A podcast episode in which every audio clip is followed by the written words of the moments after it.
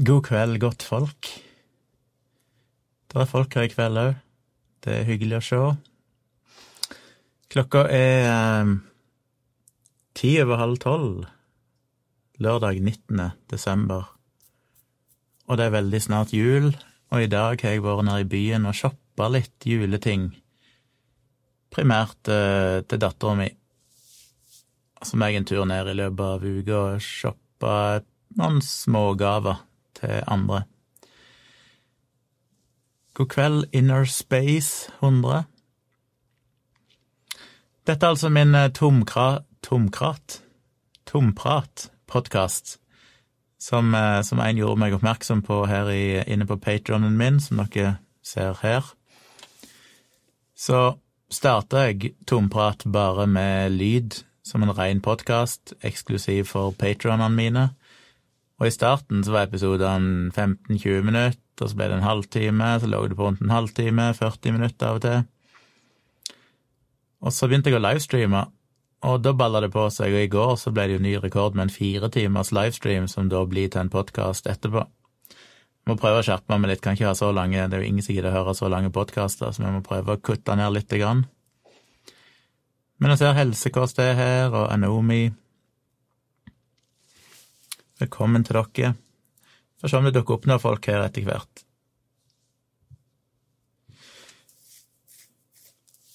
Helsekost mener at fire-fem timers streaming er de beste, spør du denne surrekuken.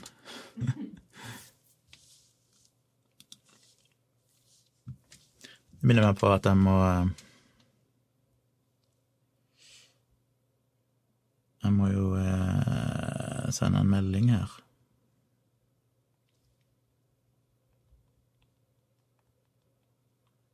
Sånn. Um, ja, i dag har jeg eh, vært nede i byen en tur sammen med Tone. Og agendaen var primært å hente, eller få kjøpt en julestrømpe til dattera mi. Jeg er jo vokst opp eh, med tradisjonen å ha stocking, altså julestrømpe, som var det store, store høydepunktet på jula. Det var nesten større høydepunkt, tror jeg, enn å åpne gaver på kvelden. For det var noe helt eget med altså min engelske bestemor, Granny, tror jeg det var, eller var det mamma, helt usikker, som eh, sydde noen sånne gigantiske julestrømper til meg tre brødre. Der det sto, jeg husker ikke om det sto Gunnar eller bare G, men det sto, jeg tror kanskje det var G, P og R, initialer, eller første bokstaven i navnet, som hadde hver vår julestrømpe. Og de var ganske store. Jeg tror ikke de var fullt så store som jeg husker de, for jeg husker de som gigantiske, men hadde jeg sett de nå, så hadde jeg sikkert tenkt de var var mindre. Eh, så jeg eh, Det å våkne på morgenen på julaften den 24. og kjenne tyngden av denne greia på beina det var bare, for Jeg husker hver natt før julaften så var jeg så spent at jeg sleit med å sove, så jeg ble alltid liggende oppe lenge. Men det var litt som å gå i narkose, at jeg husker aldri når jeg sovna, for når du er så ung, så er det jo litt sånn at du Det å være oppe seint er jo av til Det er noe annet enn, enn å være oppe seint når du er voksen. Så da bare glei jeg inn i søvn på et eller annet tidspunkt, og så Ja, så skjønte jeg ingenting før jeg våkna, og så kjente jeg den tyngden av Kjente jeg den tyngden av eh, stokkingen på beina mine. Det var sånn et enormt høydepunkt og den Det, det gjaldt liksom å dra ut det øyeblikket så lenge som mulig. Så når jeg våkna opp, så var det liksom kjenne på denne stokkingen, kjenne litt på utsida. Og så måtte jeg begynne å ta ut ting, og så var det å ta ut én og én ting, og prøve å trekke det ut så lenge det bare var mulig. Fordi det var jo alltid sånn nedtur når du endelig begynte å kjenne at du, nå var det bare et par ting igjen, og så til slutt så var den tom, og du sto og rista på den og tenkte kanskje det er noe mer oppi der. Men det var det ikke. Men mamma var flink til å stappe oppi mye. Hun er en sånn person som ofte kjøper mye dildal i løpet av året, for hun tenker at hvis hun trenger en gave til noen, så er det kjekt å ha. Og hun var sånn som kjøpte noen penner, noen tusjer, en liten skriveblokk og en linjal og litt godteri og noen klementiner, og vi fikk vel alltid hver sitt sånn julehefte. Dere husker de juleheftene? Da fikk vi hver sin sånn en. Uh, ja, jeg husker ikke. Det var iallfall veldig gøy. Så hadde som regel min engelske familie sendt noe greier fra England, noen små ting, så det fant vi oppi der. Og sånn stokking, det fikk jeg jo helt opp til jeg var ja, basically til jeg flytta ut av eh, heimen min, så jeg fikk det jo til jeg omtrent var voksen. Og det var like stas da òg. Så det har jeg jo lyst til å replikere for dattera mi. Tone òg sier hun vil ha julestokking, men eh, da må jeg kjøpe en stokking til. Så jeg fikk kjøpt en stokking i dag. Jeg var litt nervøs for å ikke finne den. For jeg søkte litt på nettet først, og det virka som de bare hadde sånne veldig små nå, og det duger jo ikke. Men jeg fant faktisk på hva det heter, Kremmerhuset. Kremmerhuset på Byporten. Så hadde de en hengende på utsida. Først gikk jeg rundt inn i butikken og leita, leida, leita, fant det ikke, men så plutselig så jeg det hang en på den utstillinga på utsida, eller med inngangen. Så spurte jeg henne i butikken liksom, ja, sånn, hvor de hadde de hen, så sa hun at de hadde bare én igjen, og det var den som hang der. Så spurte jeg om jeg kunne ta den, da. Så sa hun ja. Så jeg tok den. Jeg turte ikke ta sjansen på å gå rundt og lete etter andre. Denne her var litt rar. Han var sånn brun, sånn sånn tweedaktig. Han hette Tweedy eller noe sånt. Tweedaktig stoff med en sånn fake pelskrage rundt på toppen. Brun pelskrage, så han var veldig lite julete, egentlig. Det var ikke noe rødt og hvitt og sånn. Men litt annerledes. Men det var ganske god størrelse på han. Så jeg kjøpte den, og så var jeg rundt på forskjellige butikker og kjøpte noen småting her og der som jeg skal putte oppi. Og så har jeg òg bestilt, som jeg vel nevnte i går, en del julemat, så jeg var inne på eh, Mega, som sagt, på nett, og bestilte ganske mye julemat, så jeg får levert på tirsdag. Men så måtte jeg òg bestille litt ekstra ting i dag for kolonial.no, som jeg skal få på mandag, for jeg måtte ha et par ting som begynte å gå tom for, ikke kan vente for, fram til tirsdag på å få. Og da slengte jeg med litt sånn eh, godteri der òg, bare som har litt godteri i hjulet, og litt til stokkingen til dattera mi. Så det var godt å få gjort. Så var jeg innom polet og fikk henta de eh, to vinflaskene og portvinen som jeg hadde bestilt, og i dag så måtte jeg knekke portvinen. Den dyre, eksklusive 40 år gamle portvinen som jeg eh, har hver jul. Den er riktignok ikke avkjølt nå, og da er han ikke fullt så god. Han er bedre når han er litt kald. Så han er litt varm, så er han ikke helt på høyde. Men den er jo guddommelig. Og så har jeg min cola, som vanlig. Så det fikk jeg gjort, men køen inn til polet var jo direkte avskyelig. Eh, jeg hadde bestilt å få det levert på polet, Vinmonopolet nede på Oslo S.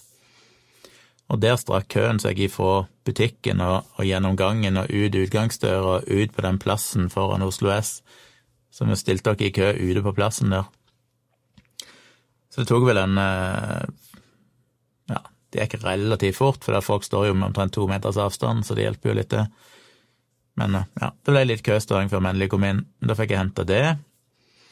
Så det var alt på plass. Så det eneste jeg mangler nå, er at meg og Jeg må iallfall ta en tur ned til byen i løpet av de par dagene før jul nå.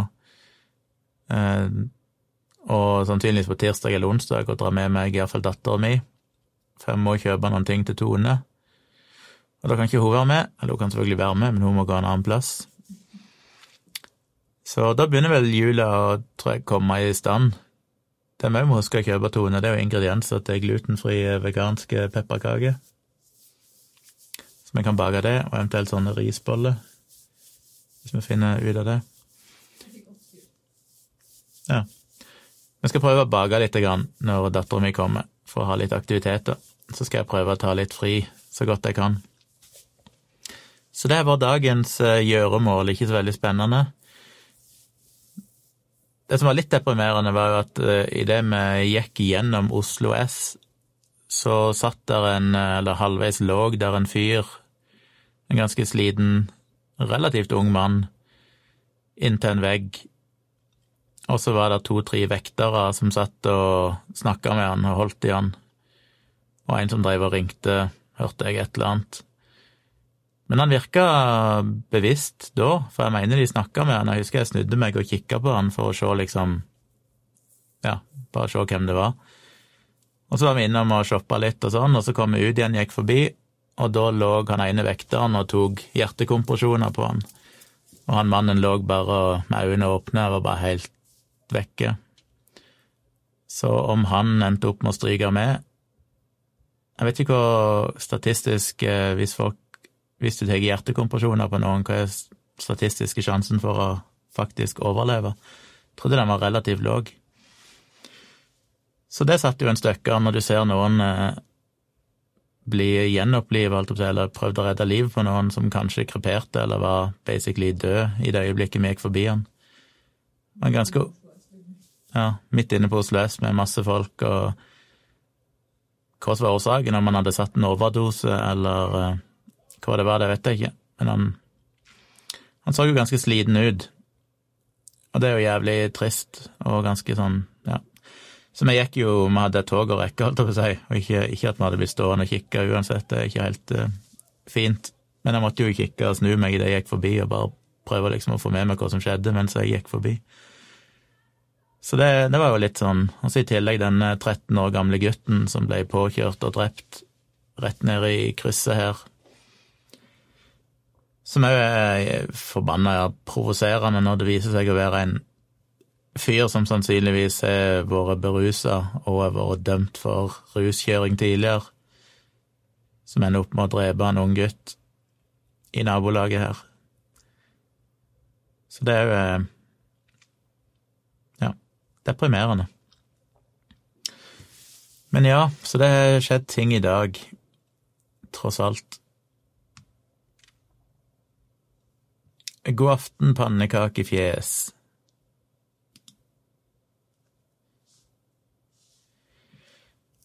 Helsekåss Fuglebrett spør hvordan gikk det med lynet, Gunnar, tok du mitt tips, er vi nå Fiber Bros? Ja, som jeg sa i går, jeg husker ikke du var kanskje ikke her i går, men jeg nevnte vel det at jeg endte jo faktisk opp med å bestille fiber ifra Lynet samme natta etter livestreamen. Klarte ikke å holde meg, jeg tenkte shit, jeg må, må ha fiber. Og jeg blir vel ikke kvitt den uh, Telia-forbindelsen, for den hører jo til her i borettslaget. Men worst case så må jeg eh, nedgradere den til det minste jeg kan ha, som da vel kanskje ikke koster noen ting, fordi det er inkludert, tror jeg, delvis.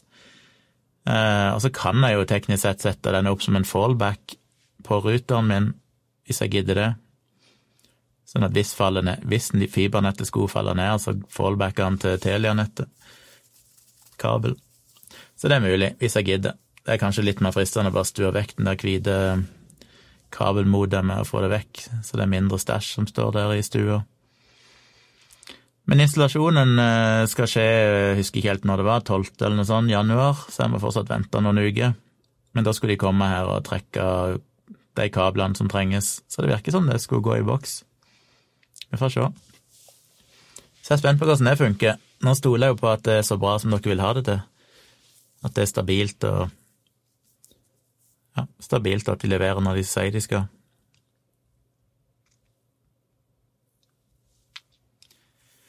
Helsekost sier òg at det er gøy å høre om stokkingtradisjonen. For min del har det aldri eksistert, men en fin jul ellers. Ja, stokking eh, er jul for meg, og det er nesten trist å ikke få det lenger.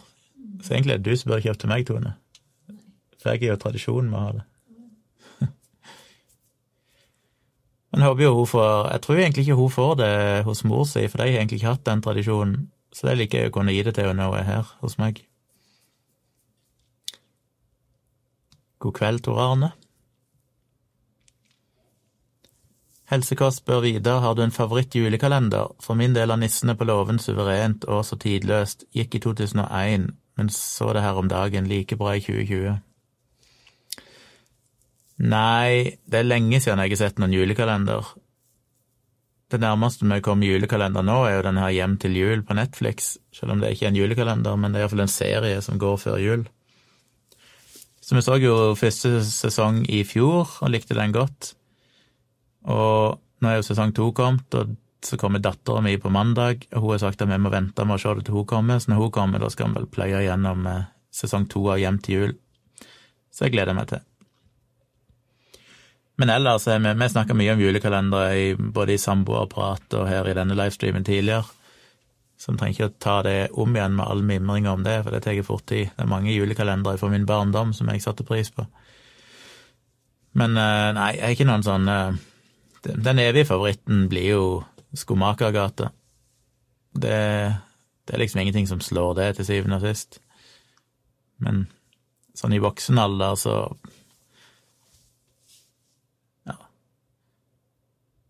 Hva heter det der eh, støvelmann-greiene? Hæ? Nei, det der um, Det julekalender, ja.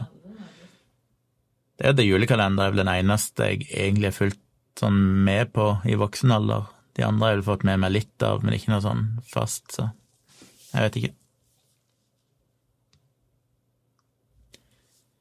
Pannekakefjes skriver at vektdyne har forbedret søvnen min betraktelig, noe med å ha en tyngde som veier ned på meg, som hjelper meg å sovne raskere og sove dypere. Anbefaler til alle som sliter med søvn. Det kan jeg veldig godt forstå, for som jeg snakker om i Jeg snakker vel om det i dialogisk en gang, at jeg har en sånn forkjærlighet for å bli skvisa. Hvis noen ligger oppå meg, og bare, eller hvis det er noe tungt oppå meg, det er utrolig behagelig.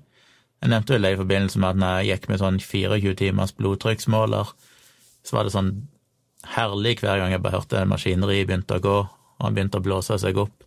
Jeg elsker det når jeg er hos legen og får tatt blodtrykket, for den der følelsen av at noe klemmer hardt rundt armen er så tilfredsstillende. Jeg vet ikke hvorfor det er det. Men så var det en som sendte meg, eller ei som sendte meg på Twitter etterpå en artikkel eller noe sånt om det, om at det var en veldig sånn typisk autistgreie. At autister er veldig glad i å bli skvisa av en eller annen grunn uten at de helt vet hvorfor. Så det bekrefter jo bare enda mer for meg mine autistiske trekk. Så jeg må stadig vekk be Tone om å sitte på beina mine, eller For det er, bare, det er så godt hvis noen bare sitter på beina, på lårene eller på knærne. Det føles som de blir liksom Å, de blir så godt strekt ut. så jeg hadde sikkert sovet som et barn med vektdyne, men jeg sover som et barn uansett, så det er ikke så mye å si. Men jeg hadde sikkert elska ei sånn vektdyne. Kanskje jeg skal begynne å sove oppå deg? Ja. Innerspace sier at Nissene på låven er min desiderte favoritt.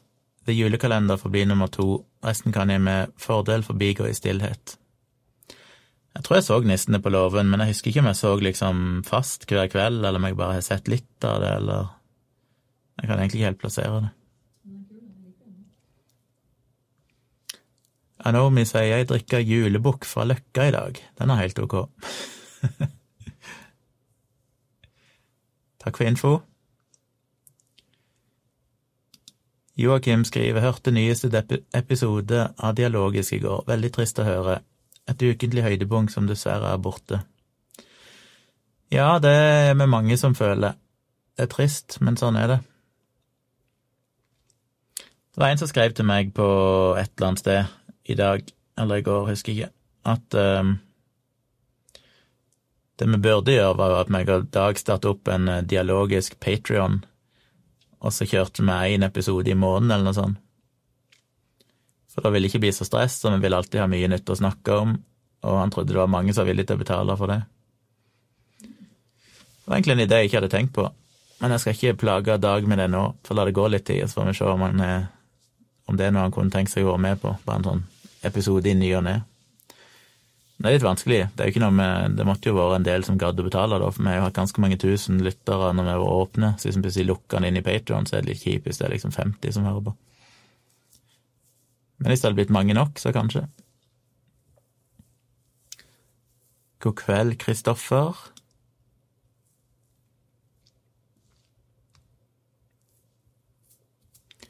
Innerspace sier ellers er Carl Bertil ikke sikker på den korrekte tittelen her, det beste juleprogrammet som pleier å bli sendt på julaften. Og noen som nevnte det i går òg, tror jeg, men jeg vet ikke hva det er. Husker ikke. God kveld, eremitten. Erik skriver alkoholfritt i kveld, og bare må anbefale julefri fra Nøgne Ø. Veldig spesielt og godt.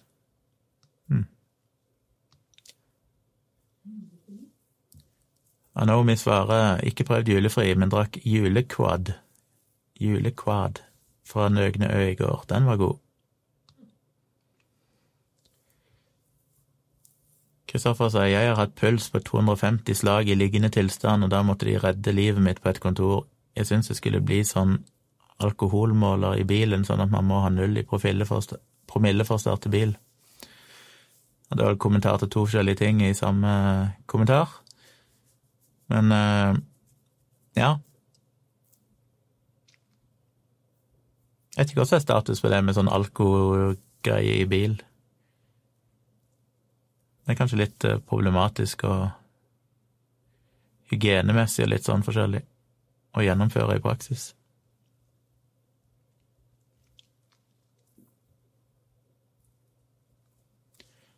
Helsekost bekrefter at han ikke var her i går, men syns det er bra at jeg får lynefiber. Det er nok en kjapp jobb for dem, det der. For min del bruker jeg Telia, gratis i sameie, på Mac og telefon trådløs, og så har jeg lynet rett i stasjonær-PC-en.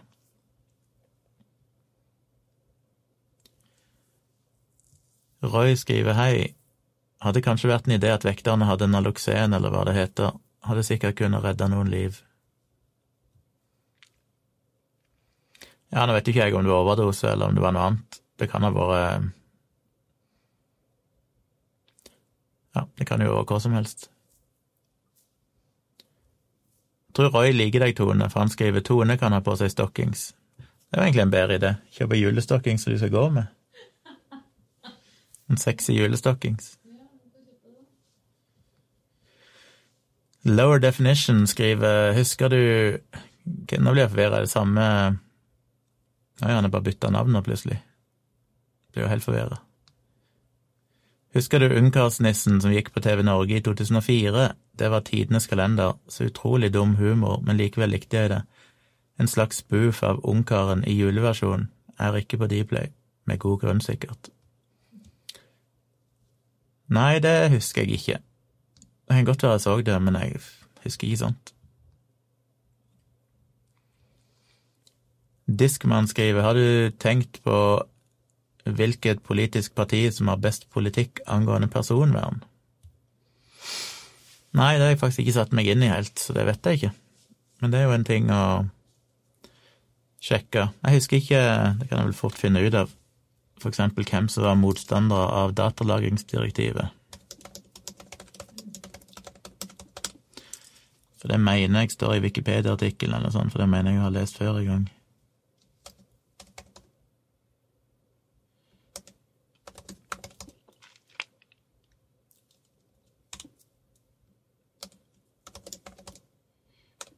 Nei, da husker jeg feil. Det var et annet sted jeg så det. Hvor var det hen, da?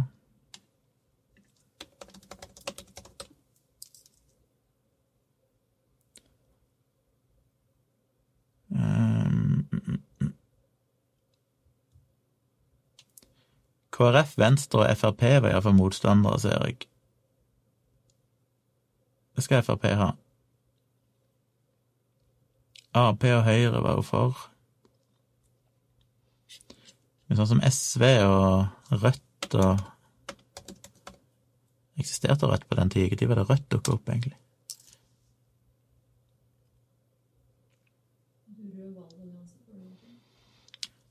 Jeg tror både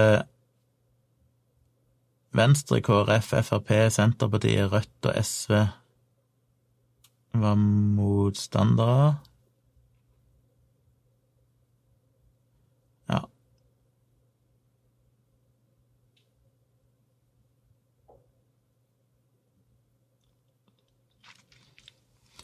Iallfall betryggende å se at jeg tror SV var motstander.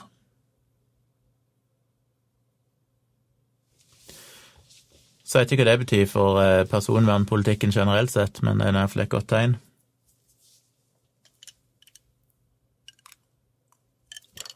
Det begynner å bli noen år siden. Thomas skriver jeg forstår det når det gjelder skvising. Anomi sier jeg liker alt av kroppskontakt og nærhet, men når jeg skal sove, takler jeg det ikke, mest fordi det blir for varmt. Jeg trives jo med ti–tolv grader på soverommet. Ja, meg og Tone har jo vinduet oppe, så vi har det temmelig kaldt på soverommet.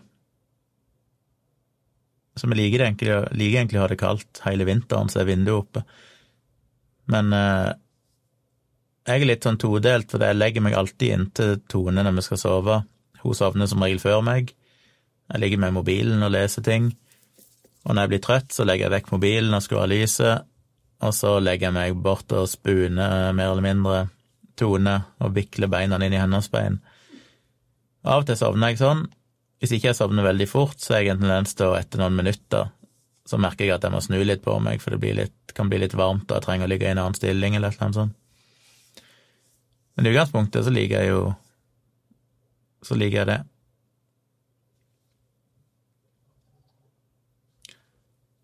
Thomas sier det heter Carl Bertil Jonssons julaften. Greia kunststykket å komme med julebudskapet uten å blande inn religion. Men mindre innrømme at jeg er svak for Disney-kavalkaden også. Ja, i år har jeg nesten lyst til å stå opp og se den, det er lenge siden jeg har sett den. Kanskje det kan gi meg litt mer julestemning enn vanlig. Lower Definition skriver da er vi på nytt navn. Han var tidligere Hakk Meksul, og så var han Helsekost Fuglebrett. Men nå er han altså Lower Definition.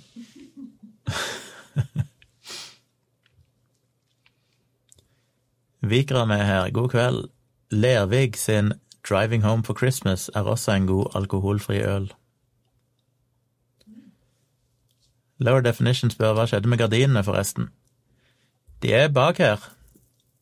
Jeg bare dekka de med en skjerm, for jeg følte for å ha litt mer nøytral bakgrunn. Så det ble ro roligere, minimalistisk bilde.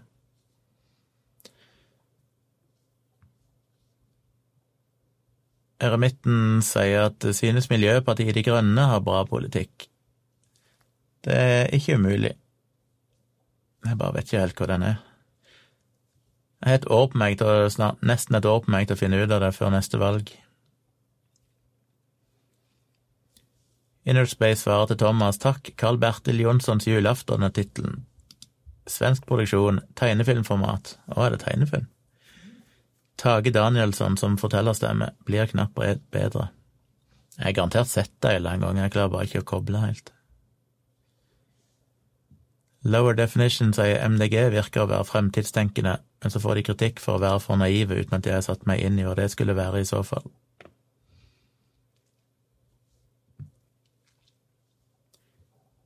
Kristoffer spør hva ville du gått for, iMac eller Mac Mini? Mac Mini er nok billigere, men er det noen forskjell på ytelse? erfaring. Ja, jeg har hatt flere Mac Minier og flere iMac-er, og det kommer veldig an på hva du skal bruke den til. Men akkurat nå er det jo et veiskille, for nå har jo Mac Minien kommet med M1-prosessor, så nå er jo den superrask. Mens iMac-en fortsatt ikke er oppgradert, den er jo fortsatt Intel. Men det kommer nok iMac med M1, eller den kommer sikkert ikke til å hete M1, men iallfall den nye Apple Silisiumet, som kommer til å komme i løpet av 2021, mest sannsynlig. Og når den kommer, så kommer den til å bli helt, helt latterlig kjapp, ut ifra de erfaringene vi har fra de forrige maskinene de har sluppet nå. Um, så det kommer litt an på. Mac Minien gir deg jo mer fleksibilitet, for det er jo bare en boks uten noen ting, så du kan koble til hvilken som helst skjerm du vil, og, og litt sånn. Uh, mens iMac-en er jo selvfølgelig mer fiks ferdig, da får du den skjermen som er der, men den er jo kanongod, så det er jo ikke noe problem, det, som regel. Du kan jo alltid koble til en ekstra skjerm hvis du vil ha to. Så iMac-en pleier jo generelt sett å være en del bedre på grafikk, for der kan du ofte velge et temmelig bra grafikkort. Så er det jo mange som lurer på hva som skjer nå med de nye prosessorene, for det at på Mac Minien og Macbook Airen og Macbook Pro 13-tommer, som er de tre maskinene de har sluppet så langt med M1-prosessor, der er jo grafikkprosessoren bygd inn i selve CPU-en, liksom, eller i selve den hovedchipen. Eh, så driver de jo folk og strides. Hva som kommer til å skje på de litt større maskinene? Kommer de til å bygge inn en kraftig grafikkprosessor i chipen der òg? For det fordelen med det er jo at når alt ligger så tett og er på samme chipen på en måte, så kan de dele minner, og de kan kommunisere veldig kjapt. Så da er spørsmålet kommer Apple til å tviholde på det designet, eller kommer de til å lage de kraftigere modellene med en separat GPU? Um, ehm, og blir det deres egen, eller kommer de til å bruke tredjepart, sånn som de har gjort så langt? Så jeg vet ikke. Uh, men jeg vil nok anta, ettersom de vet veldig godt at iMac er sånn i mye større grad enn Mac Mini og sånn ofte blir brukt til foto- og videoredigering, så må de iallfall ha en solid GPU så jeg er veldig spent på hva som dukker opp der. Men generelt sett så er den Mac Minien den, er jo forrige generasjon Mac Mini, den siste vel som kom, tror jeg, før de nye med M1-prosessor. Og den er ganske ok på ytelse og sånn, men jeg husker ikke hva prosessor jeg har i den. Det kan jeg fort sjekke. For det er jo den maskinen jeg jobber på akkurat nå. Der har jeg en sekskjerners 3,2 GHz Intel Core i7 med 32 gigabyte minne. Så det er, han er ganske bra CPU og minne og sånn, men det er så latterlig dårlig grafikkort på de, for de er jo ikke laga for grafikk. Macminian er jo gjerne laga mer som en slags halvveis en server, omtrent. For de fungerer jo veldig greit til det, hvis du trenger en slags mediestasjon. Jeg brukte jo Mac Mini til det tidligere, før jeg fikk meg Apple TV så hadde, en, hadde, jeg en Mac Mini som jeg kobla TV til og sånn, og brukte, kjørte Plex på det, og brukte det som mediahub. Men så bytta jeg den ut med en uh, Apple TV når det kom. Så han duger veldig godt til liksom bare gjemme vekk i et skap eller i ei bokhylle og kan gjøre veldig mye. Eller hvis du jobber med masse greier som ikke Hvis du jobber med programmering, for eksempel, og, og trenger en kraftig prosessor, men grafikken er ikke så viktig, men du trenger å kompilere kode og gjøre litt sånne ting, så er Mac Minien veldig fin. Den nye generasjonen av Mac Mini den får du ikke med mer enn 16 GB ram. Jeg har jo 32 i denne her, men du får den bare i 8 eller 16. Og det er jo noen vært skeptiske til, selv om det virker jo som mye av erfaringene folk har gjort så langt, sier at uh, det kan være du ikke trenger mer enn 8, fordi at han utnytter minnet så mye bedre enn det han gjør med de gamle arkitekturen. Men jeg har sett litt delte meninger om det. Det er noen som mener at du hvis du driver med videoredigering og sånn, så burde du iallfall ha 16, og egentlig så skulle de egentlig ønske de hadde litt mer, men, men jeg er litt usikker. Det er mange som sier de er superfornøyd med både 8 og 16 gigabyte, så Så du kan ikke direkte oversette 8 gigabyte ram på de nye Mac-ene med 8 gigabyte ram på de gamle Mac-ene, for da var det jo veldig lite. Men det, det blir brukt på en litt annen måte nå, visstnok. Men hvis du skal jobbe med foto og, eh, eller video eller noe sånt, så ville jeg nok kjøpt en iMac. Både fordi du er garantert å få enda bedre grafikkort på deg. Sannsynligvis til og med om du ikke oppgraderer det, om du bare kjører base-modellen, så vil jeg tippe at grafikkortet er bedre på de nye iMac-ene som kommer. Men jeg vil jo ikke kjøpe maskin nå. Akkurat nå er jo en dum tid å kjøpe en Mac på, med mindre du er helt desperat og må ha en akkurat nå. Hvis jeg absolutt må ha en maskin nå, så tror jeg nesten jeg hadde kjøpt en Mac Mini. Det dumme med de nye Mac Miniene er at de støtter ikke eksternt grafikkort. De gjorde de gamle Mac Miniene, jeg vurderte å kjøpe det, å kjøpe en ekstern, altså en sånn eGPU, og koble til, men jeg har aldri gjort det. Um, for det koster ganske mye penger, jeg hadde ikke så mye behov for det akkurat på den. Men det støttes ikke på de nye Mac Miniene, så der er du låst til det grafikkortet som er der, selv om det er veldig mye bedre enn det grafikkortet jeg har i min Mac Mini, for de nye grafikkortene på integrerte grafikkortene på de MN-prosessorene er veldig kjappe. Sjokkerende kjappe.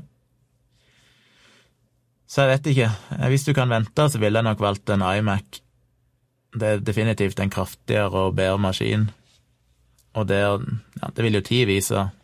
Det er vel godt mulig at ikke du kan oppgradere minnet på de nye iMac-ene heller, fordi minnet sitter i den hovedchipen. Eh, men det vet vi ikke helt sikkert. Det er jo bare en fordel på iMac-er så langt at du kan sette i mer minne sjøl. Så jeg tror jeg har 48 gigabyte i den, for jeg kjøpte vel en base-modell med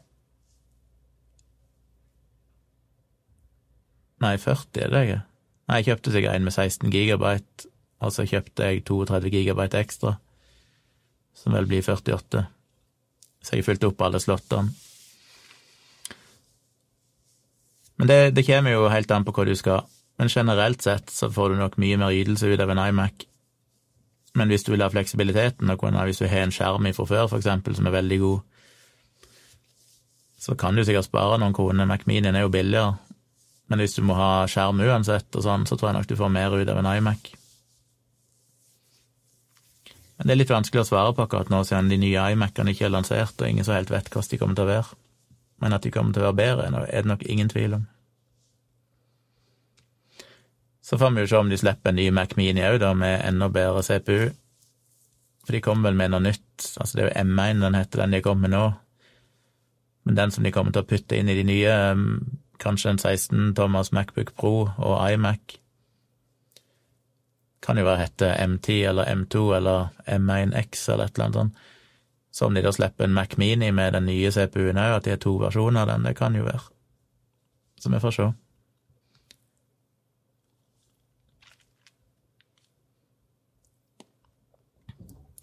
Hei, Ad100. Anomi sier at Rødt dukket opp i 2007, da AKP, Rød valgallianse og Internasjonale Sosialister dannet nytt parti. Det kom veldig mange artige navneforslag da, det gjorde det. Nei, da de gjorde det. God kveld i stugu, Ivar. Eremitten sier at helt ærlig syns jeg Rødt fremstår som et ganske radikalt parti som prøver sitt beste å fremstå som et ikke så fullt radikalt parti. Ja, det er jo mye jeg liker med Rødt, men jeg, det er jo ting jeg sliter litt med. Men Rødt er jo fortsatt et av de partiene jeg teknisk sett kunne funnet på å eh, stemme. Men det er blitt SV så langt. Jeg vil tippe at det kommer til å stå mellom SV, MDG eller Rødt ved neste valg, for min del. Så får vi se hva jeg havner. Maria Maria sier apropos vektdyne og skvising, har du hørt om Tempel Grandin sin huggmaskin? Jeg tror det var den jeg eh, sikta til når det gjaldt det med at autister likte å bli skvisa. Jeg tror det var noen som sendte meg en link til den der huggmaskinen den gangen. Det høres ut som når jeg vil ha julegave, jeg vil ha en huggmaskin. Anomi sier at rygg mot rygg går fint, men sånn ellers blir jeg bare vond i armene fordi det er så sjukt upraktisk. Ja, det krever sin teknikk, men jeg har funnet den perfekte liggestillingen der jeg kan spune noen og samtidig ligge behagelig.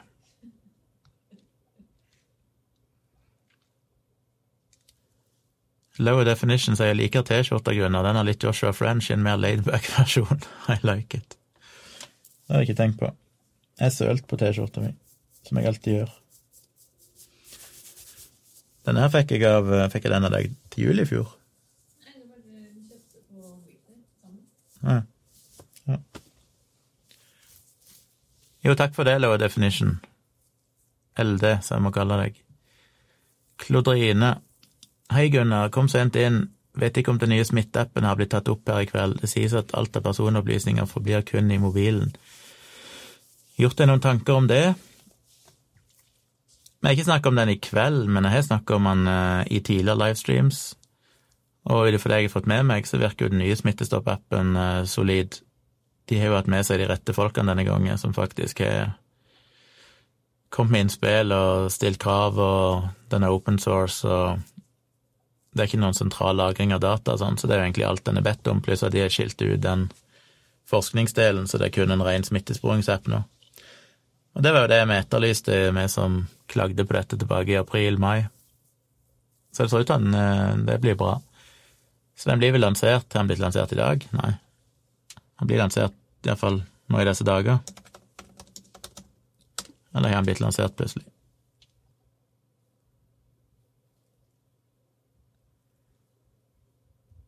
Nei, den er ikke blitt lansert, men den blir vel lansert et øyeblikk. Så den eh, tror jeg nok jeg kommer til å eh, installere. For jeg har vært med i en gruppe med folk, IT-eksperter, som har diskutert mye, og som kritiserte den første versjonen og sånn, og jeg ser jo at noen av de folkene har vært involvert i prosessen nå. Jeg ble vel òg invitert til å være med i den prosessen, men jeg hadde ikke tid, så jeg bare ignorerte invitasjonen. Eremitten sier til Anomi, og som deg liker jeg nærhet, men sliter med å sovne om jeg skal måtte ha det da. Lower definition sier Tone Modd i chatten. Ja, det er jo Jeg vet ikke om hun er inne i chatten, derimot, men hun er iallfall Modd.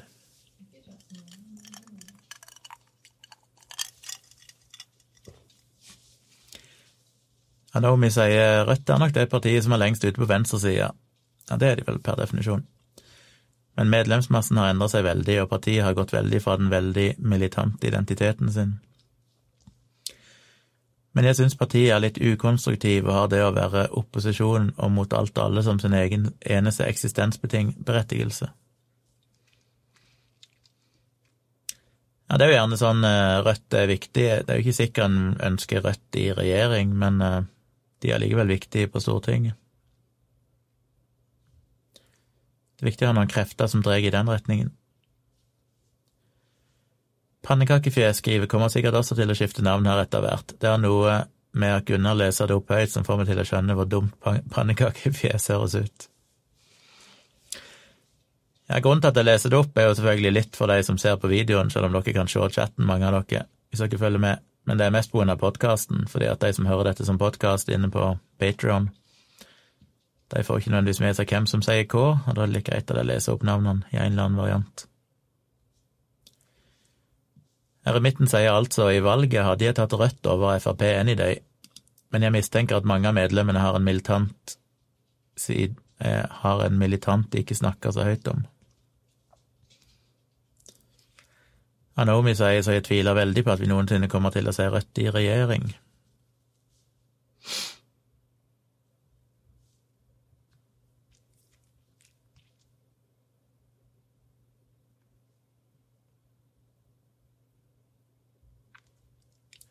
Eremitten sier et diskusjonsforum jeg er med i på Facebook, ble tatt over av medlemmer av SV og Rødt. Den store synden var å tillate både typiske venstre- og høyremeninger blant sine medlemmer.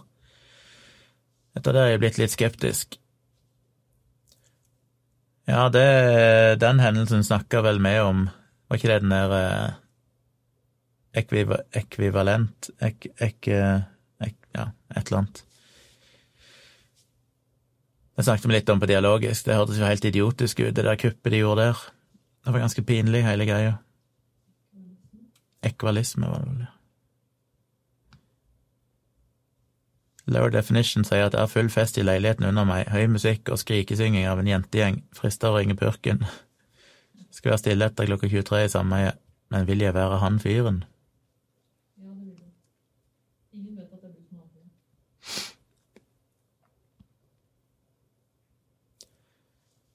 Innerspace sier ellers pleier jeg å gå inn på YouTube og søke opp Inte bare gløgg med Galenskaperne og Aftershave hver jul. Det er hysterisk morsomt. Mye å lære her. Eremitten mener at med mindre du skal opp tidlig, ville jeg vært litt cool på en lørdag.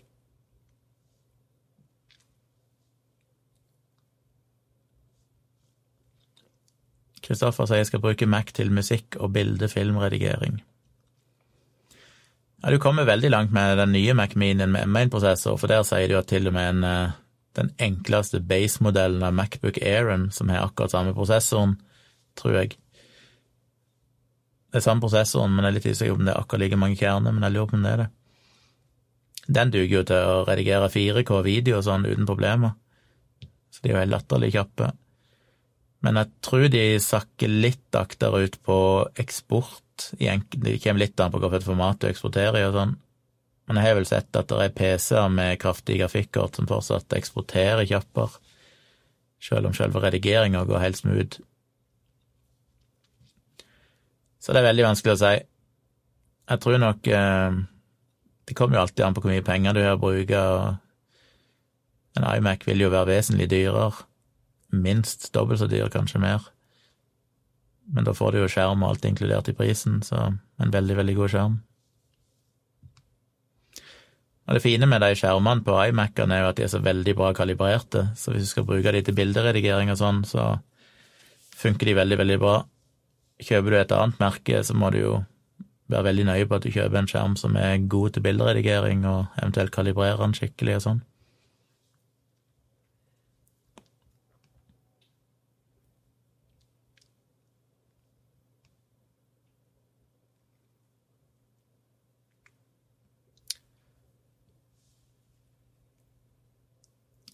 Naomi svarer angående Rødt. Noen har det, da vil det med å være militante. Veldig mange er jo glad i gammel ideologi, det var fortsatt den gamle AKP-gjengen, men de er litt på vei ut, særlig de som samler seg rundt Steigan. Men det er mange som identifiserer seg litt mer som sosialdemokrater. Og så har du gjengen som bare vil stå mot det etablerte, så det har vært en del rare vaksinemotstandere, folk som synes 5G-master er krise osv. de siste åra, men de har heldigvis ingen sentrale verv. Ja, det er jo litt av det samme problemet som eh, MDG har slitt med, men de ryddes jo litt opp i rekkene der òg, heldigvis, men for noen år siden så hadde jo MDG mye rare ting på partiprogrammet og sånn, og var veldig prega av sånn eh, litt hippieaktig eh, alternativ behandling, elskende folk. Men der har de heldigvis fått ryddet opp en del, så jeg tror det er mye bedre der nå.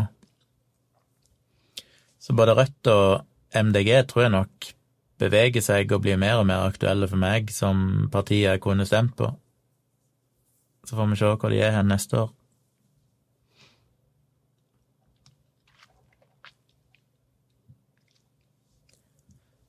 Fornavn etternavn skriver lurer på om du har drevet noe med fiske, og eventuelt hvilke typer fisk du har fisket etter. Fisker du noe ennå? Prøvd gjeddefiske? Uh, jeg har vel ikke Hva er det gjedde på engelsk? Er det sånn perch? Nei, det er abbor, det.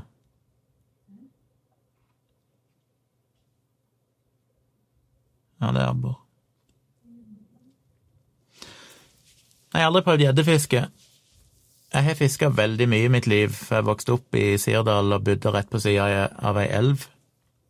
Og hele min barndom og ungdom så fiska jeg jo der hele sommeren. Da var det alltid å gå og se på bjørketrærne og vente til bjørkebladene var like store som museøyre, for det var liksom stikkordet til at når bjørkebladene var så store som museøyre, så kunne du begynne å fiske. Ikke alltid det stemte, men Men ja, da fiska jeg ifra det var mulig å fiske, og hele sommeren og til det bare ble for kaldt igjen. Så jeg fiska veldig mye, og det var stort sett bare ørret. Um, så jeg har ikke helt kontrollen på alle de forskjellige. Det ble jo satt ut en del fisk, og det var vel en blanding av regnbueørret og Og hva var det andre for noe? Ja, et eller annet sånt. Men iallfall ørret. Så det er primært ørret jeg har fiska, alltid.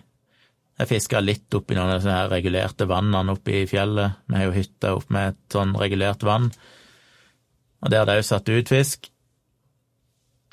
Og de blir jo mye, mye større, så de jeg fiska i elva, ble jo Det var jo Det var som regel eh, sånne Ja, du var heldig hvis du fikk en fisk på 150-200 gram.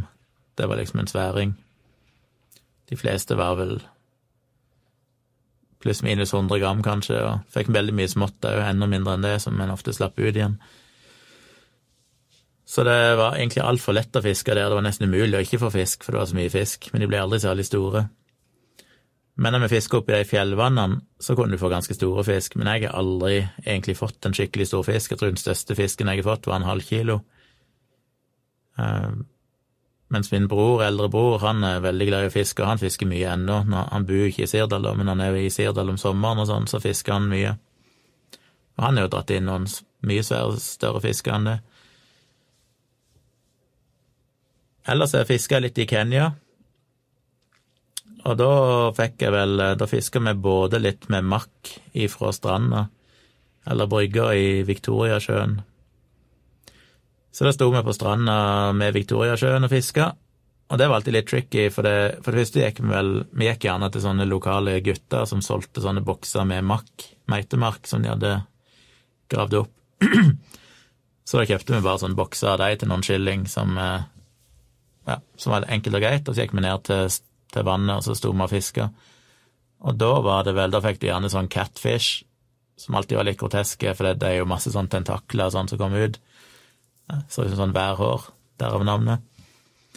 Men de er jo egentlig umulig å spise, lærte iallfall meg, for de er så fulle av bein at det er nesten umulig å, å spise de. Iallfall ikke på noen enkel måte.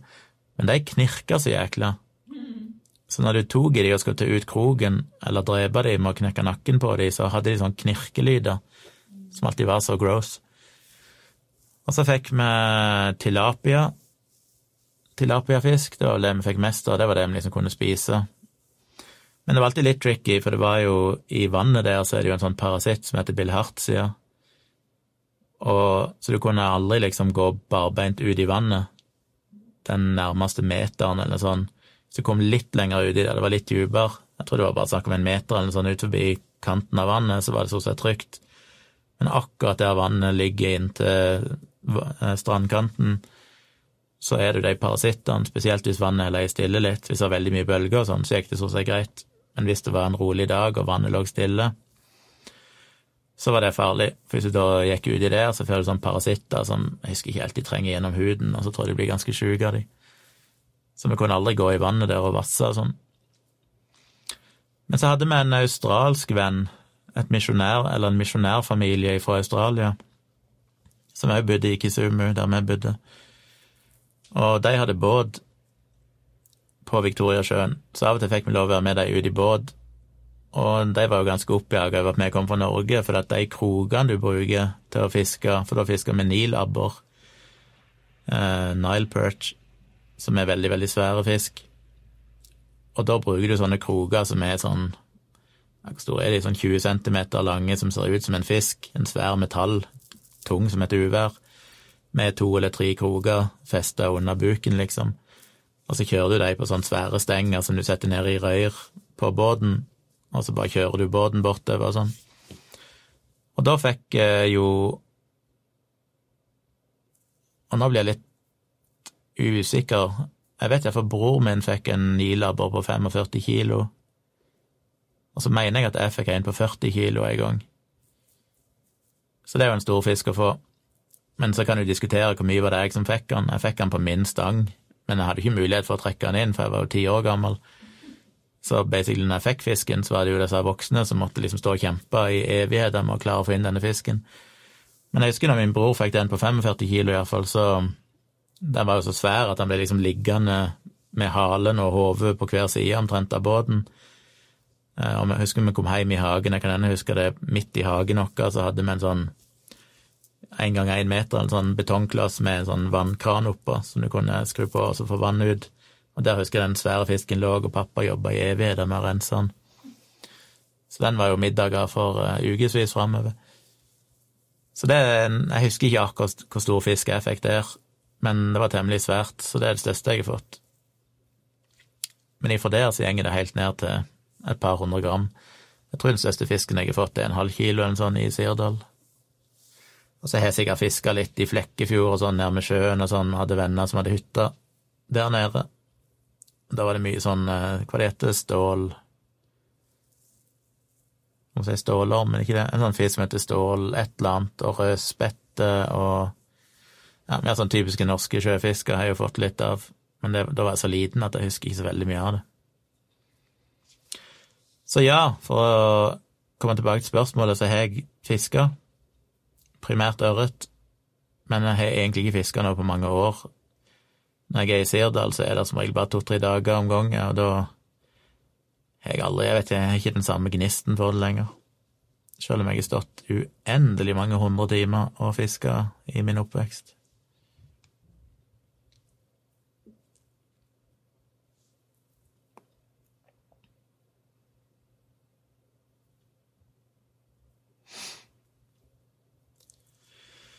Lower Definition spør, du er nok lei spørsmålet, men har, har Kai, fra MGO, altså Mannegruppe 8, reached out og snudd fra han der skal ikke på vår podkast enda? Nei, det er han ikke.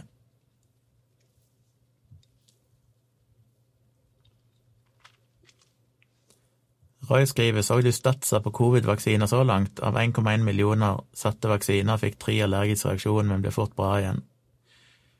Sto på Instagram-storyen til Wasim tror Bloomberg var kilde. Ja, det var jeg som sendte han det bildet. Sendte det til han på WhatsApp, og så delte han det etterpå på Instagram og Facebook. Så sendte jeg han òg linken til kilden, som var Bloomberg. Men etter det bildet ble laga, så er jo det økt til 1,2 millioner, så nå er det jo 1,2 millioner vaksinerte. Men ja, det lover jo bra foreløpig. Det ser ikke ut til å være noen uventa kortsiktige bivirkninger, iallfall.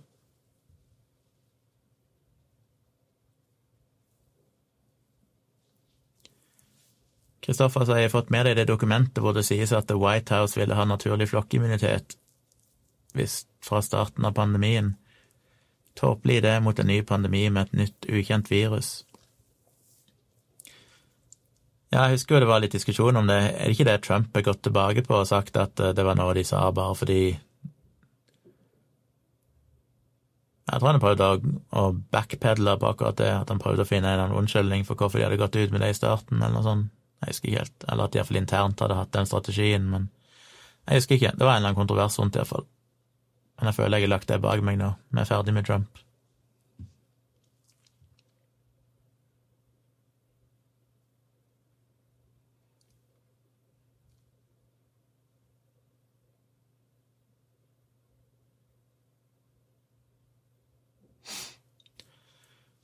Anomi sier 'vær litt med i ekvalisme', ja.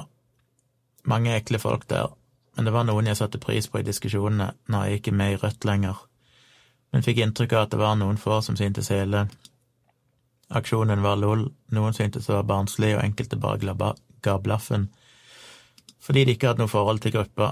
Jeg var ikke begeistra for det hele og syntes det var helt unødvendig å gjøre, men ekvalisme er ikke gruppa jeg hadde savna mest. Nei, jeg er heller ikke var noe særlig fan av ekvalisme. Jeg var vel Jeg husker ikke om jeg var med i gruppa, men jeg ble tagga i ny og ne, og da måtte jeg inn og se hva som skjedde. Og Jeg tror det var veldig mye fornuftige folk der òg, og det var, jeg tror det var mye bra debatter. Men hver gang jeg var inne, så var det alltid noen idioter som skrev noe idiotisk, og så var det bare sånn øh, Det orker jeg bare ikke. Så jeg kan ikke akkurat si jeg savner den gruppa, nei. Vikram skriver tror de fleste som følger Tomprat-sendingene, lider av lakenskrekk. Er ikke det bra? Men nå er det jo natt til søndag, da er vi lov å være oppe seint. Uten dårlig samvittighet. Og snart jul. Nå har det kanskje tatt litt juleferie, til og med. Erik sier angående smittesporingsappen det var bare ett firma som svarte på anbudet, så vi vet ikke om den er best, men Nei, men det har vært veldig mange inne i prosessen, og det er jo åpen kildekode og sånn, så derfor er det jo mye lettere for folk å faktisk verifisere om det er blitt gjort en god jobb. Og så er det vel i veldig stor grad basert på den danske smittesporingsappen, som jo er tried and tested, holdt jeg på å si. Tried and proven. Så jeg føler meg ganske trygg på at den skal være temmelig solid. Men det viktigste av alt er jo at de bruker, så lenge de bruker Google og Apple sine smittesporings-API-er, og ikke er noe sentral lagring, så er jo de viktigste formålene oppnådd.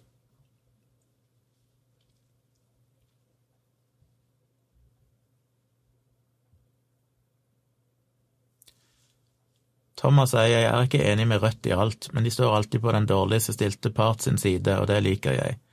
Spesielt at de sympatiserer med dem som kun kan leie boliger og dårlig råplass.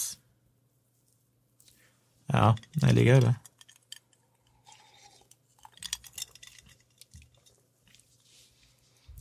Nå syns jeg det er en uting her i dette landet at vi alle er så vant til at du skal kjøpe og eie din egen bolig, som er ganske sært i internasjonal eh, sammenheng. Det er jo ikke så vanlig i de fleste europeiske land at alle eier sitt eget hus eller leilighet. Men sånn er det.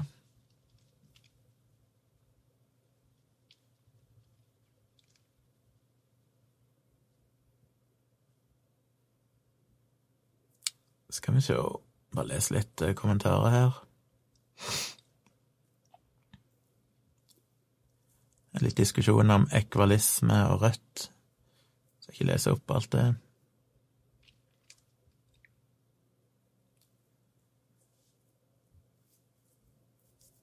Karoline skriver hei, jeg har sendt deg en melding på Insta, Gunnar. Jeg får se på den før jeg eh, kommenterer videre.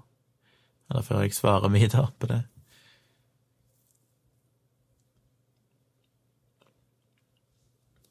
Lower Definition skriver liten fun fact, hun Sirdalsvenninna di, komikeren, blond med kort hår, var med i Ungkarsnissen. Ja, der sier du noe, det husker da begynner det å ringe noen bjeller, for jeg husker at hun var med i en av de julekalendergreiene. Linda Mahala. Hun var jo med i enkelte ting sånn i den tida, men så falt hun litt ut av det. Vikram sier at gjedde på engelsk er pike.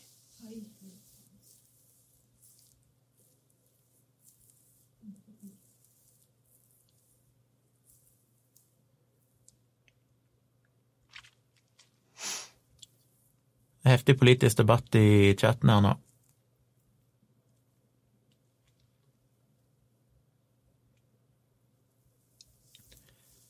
Kristoffer sier jeg tror jeg skal spare litt til og gå for iMac, så jeg blir fornøyd. Jeg har hatt iMac før, for ca. 15 år siden. Helt suveren den til å være i den tiden. iMac-ene har jo veldig lang levetid òg. Du kan ha dem en del år før de begynner å oppleves for treige. Jeg må si du får mye for penger når du kjøper en iMac. Da kan du som regel ha de lenge, og så får du ofte en ganske god pris når du selger de, selv om de er noen år gamle. Jeg har jo rotert mange iMac-er der jeg selger de gamle, og så kjøper jeg en ny, og jeg har fått veldig god pris for de gamle. Folk er ganske keen på å kjøpe brukte iMac-er.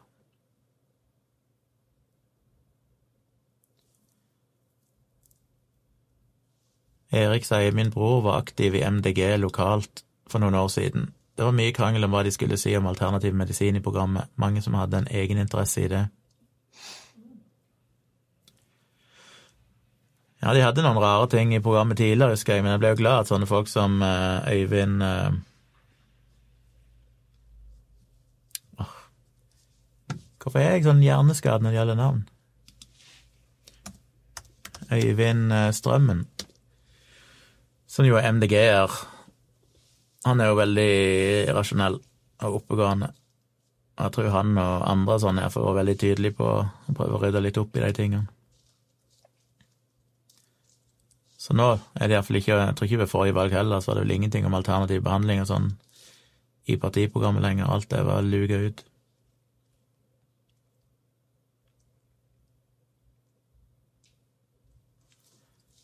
Ivar påpeker at det heter dorging når du fisker med stang fra båt.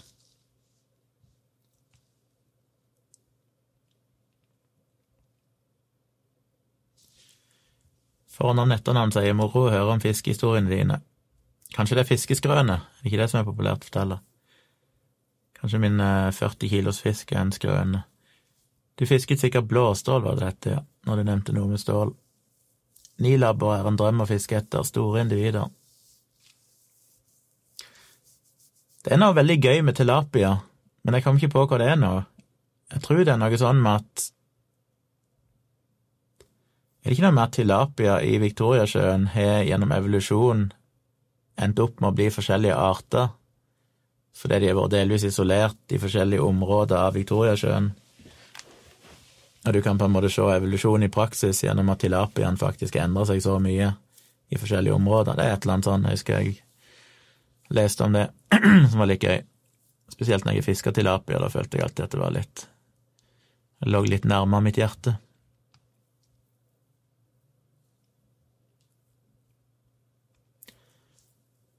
Kristoffer skriver jeg leste at de har fem vaksinerte med allergisk reaksjon i USA nå. Ja, det er vel gode tall uansett, hvis jeg har vaksinert 1,2 millioner. Jeg tror folk må jo huske at allergisk reaksjon er jo primært ikke ansett som farlig, fordi at du har medisinsk helsepersonell tilgjengelig, og det er noe som du får eh, behandling for veldig fort, og det går veldig greit.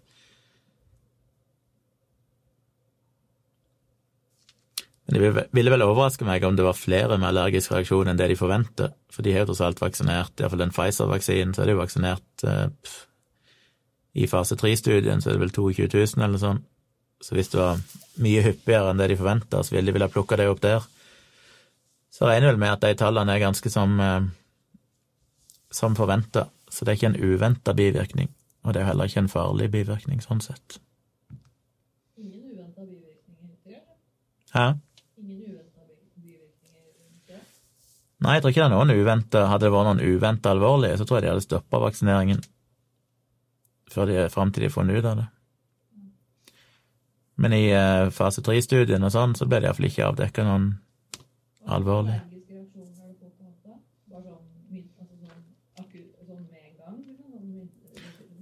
Jeg vil tro at det er bare sånn akutt. Som regel så skjer det jo i løpet av fem minutter, eller noe sånt, så får du en allergisk reaksjon. Hvis du først får det. Litt usikker på hva de er allergiske mot, da, for ofte er det jo egg. Eggallergi fordi at influensaviruset sånn blir dyrka i egg. Men uh, de her vaksinene er jo bare syntetiske, holdt jeg på å si. Det er jo syntetisk mRNA, det er jo ikke dyrka noen plass.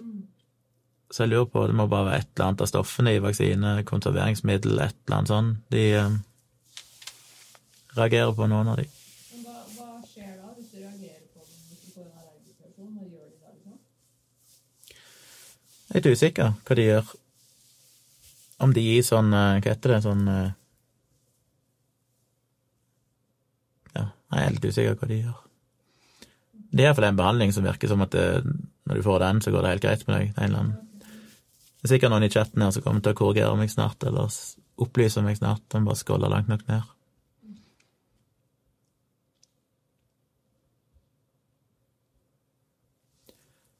Eremitten sier Kjomli, om du kunne se hva som sto der, var du en del av gruppa. Den er lukka. Ja, det var jeg sikkert en del av ekvalisme. Jeg husker ikke Jeg skal ikke si det helt sikkert, men jeg innbiller meg at noen meldte meg inn for lenge siden fordi Enten fordi jeg ble diskutert der inne, og så var det noen som meldte meg inn fordi de følte jeg skulle se det. Jeg kan ha meldt meg inn sjøl òg, men jeg har en følelse at det var noen som meldte meg inn, og så bare ble jeg der, for jeg tenkte det var greit nok. Um, det var vel i de tidene du fortsatt kunne melde folk inn uten at de kunne velge sjøl. Innerspace sier at sei på 15 kilo er det største jeg har fått. Beit på håndjukse på ca. 150 meter helt ytterst på, i Nordfjord, rett utenfor Måløy, 1987. Det er begynnelsen på en uh, fiskeroman.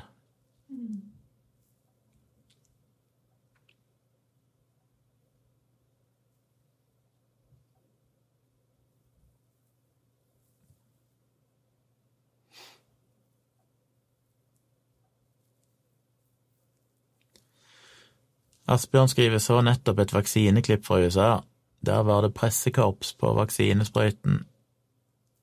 Den sprøyten der var tom. Sendte deg PM på Facebook.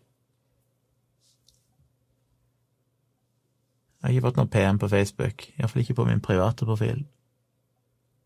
Med mindre det havna i uh, spammen. Skal vi se på Ja, der, ja. På message requests.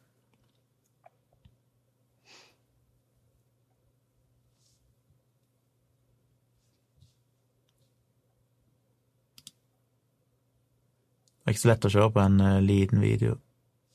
Skal vi se her. En 21 sekunders video som jeg ser på.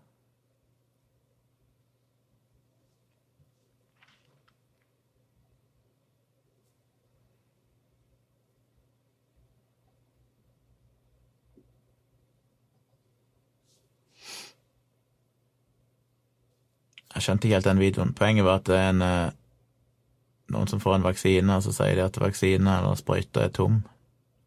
Det er bare fake. Det klarer ikke jeg å se på den avstanden.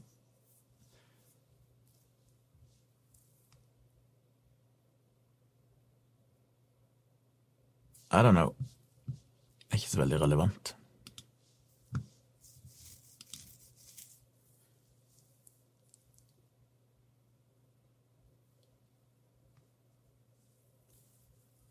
Det er mye politisk prat her i chatten, skal ikke lese opp det, som sagt. Det blir for mye fram og tilbake.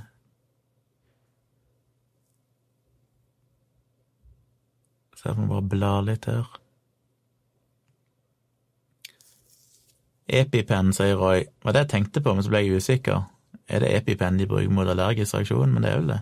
Ja, det er det jo selvfølgelig, ja, for det er jo det du får når du får en allergisk reaksjon på peanøtter og sånn. Altså, jeg lurer på om det er bare det du gjør, at du bare gir dem et, et skudd for en EpiPen hos de som eventuelt trenger det, altså. Jeg vet ikke.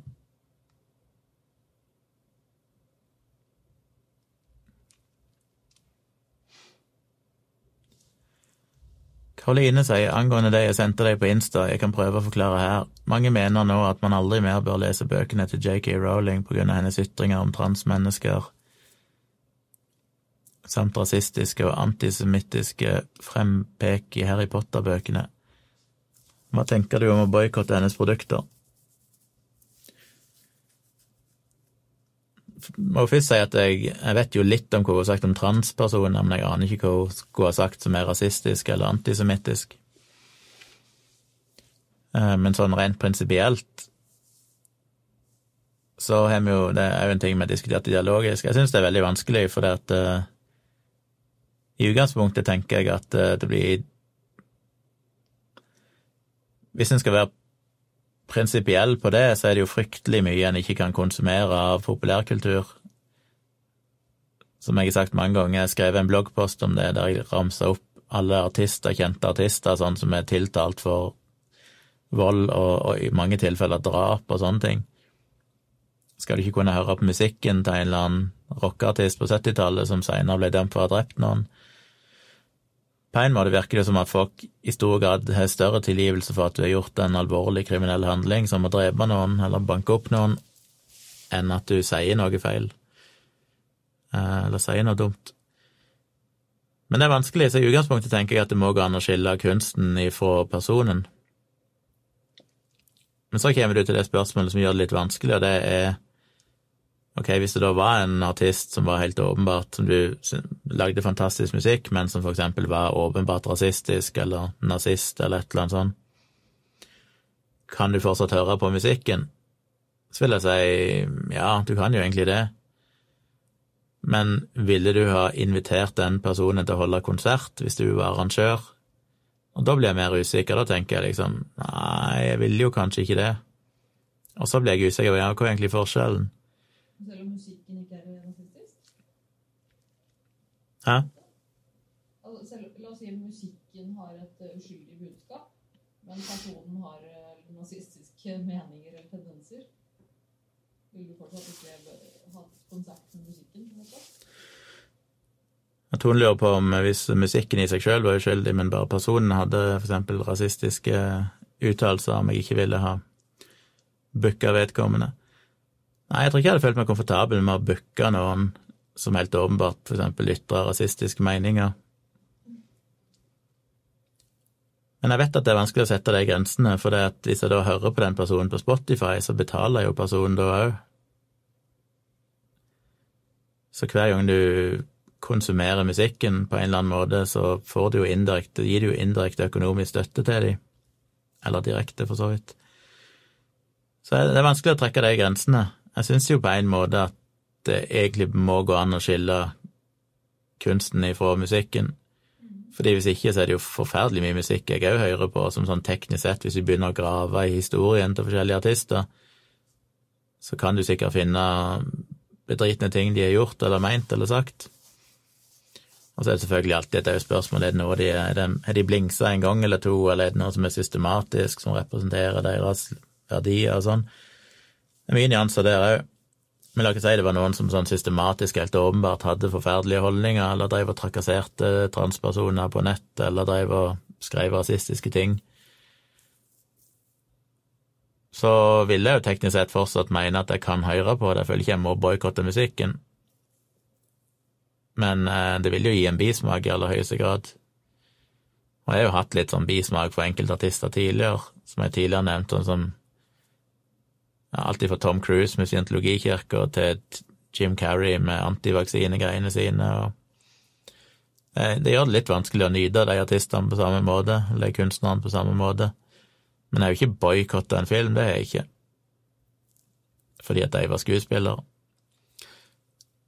Så det er litt vanskelig å vite. Jeg syns jo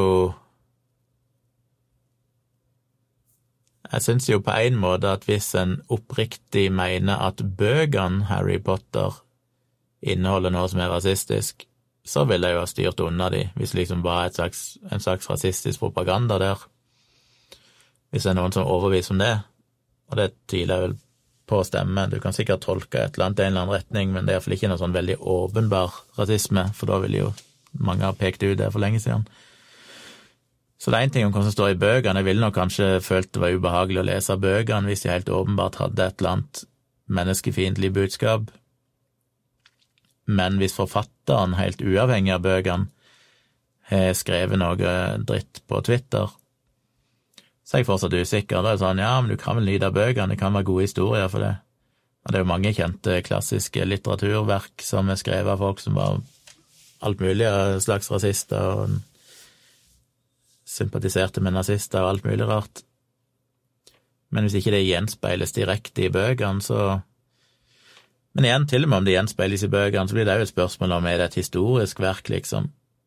Er det en verdi i kulturen, sånn at du kan Jeg føler jo fortsatt du kan lese den vel om at det som står der, så lenge du er bevisst på det. Det er vel kanskje det det handler om.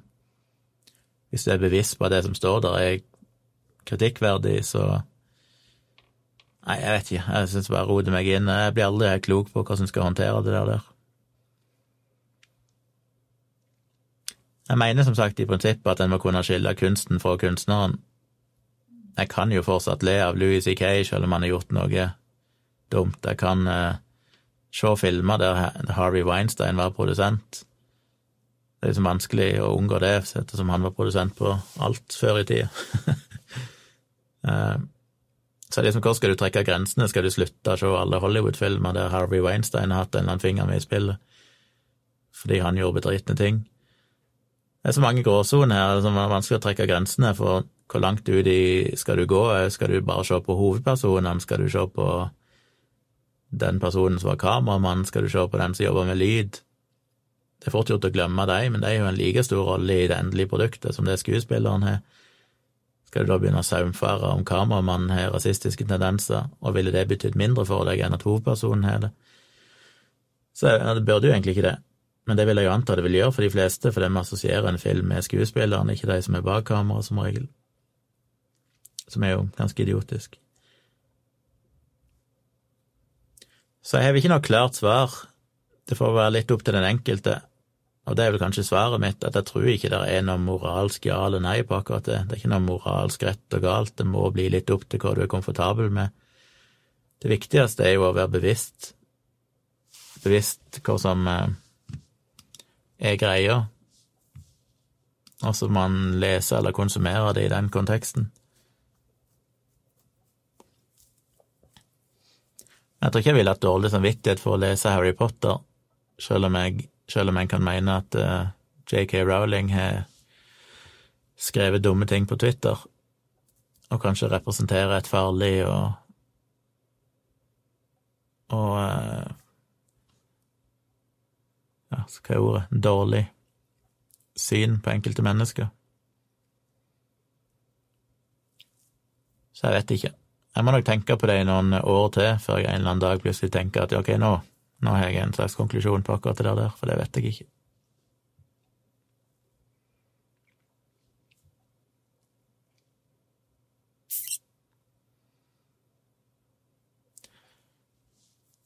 Kristoffer sier hva sier du, Tone, om jeg setter griller i hodet på Gunnar om at han må kjøpe seg en ny Mac Pro til 321 490 kroner?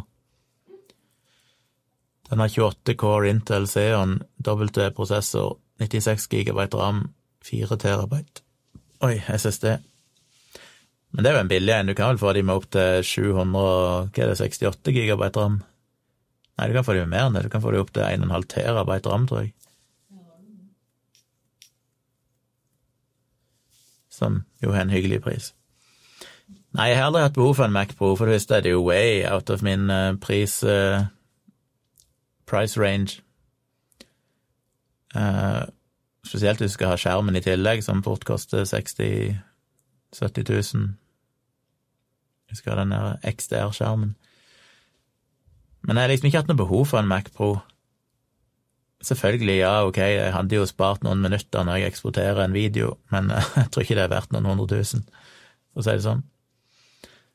Men jeg er nok mer keen på å få en uh, ny iMac i løpet av 2021, kanskje til høsten eller noe sånt, når de kommer om et års tid. Eh, med de nye prosessorene. Det kommer jeg ikke til å klare å dy meg for å kjøpe, for det kommer til å være så natt og dag i hastighet at det vil føles som at du sitter på en 20 år gammel maskin hvis du fortsatt sitter på den iMac-en jeg har i dag.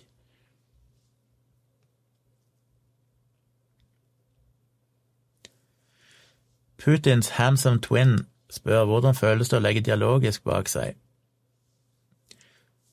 Det føles jo trist, syns jeg. Men det er alltid litt befriende. Det, jo, det var jo stress med dialogisk. Det er mye sånn psykologisk press.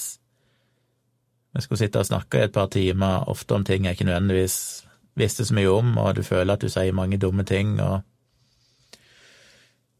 føler at det er mange kritiske folk som hører på, og du er redd for å drite deg ut, og ja, det er mye press, så det er alltid litt nervøsitet og styr rundt det. Og så var det stress med gjester, at jeg følte på liksom, ja, vi burde hatt flere gjester, men så var det alltid stress å booke gjester og håndtere alt det. Så det var mye som kom i kjølvannet av det. Så det er litt grann deilig å ha lagt det bak seg. Men totalt sett så trivdes jeg jo godt når vi drev på med det, og syns jo det er et savn. Spesielt å ikke få snakke med Dag en gang i uka. Men òg det, det var jo den største plattformen jeg hadde sånn fast, der vi hadde en del tusen lyttere og sånn, så Så det er trist, men eh, med alle sånne ting så åpner det seg nye dører. Så vi får bare satse på å finne noe nytt og spennende å gjøre.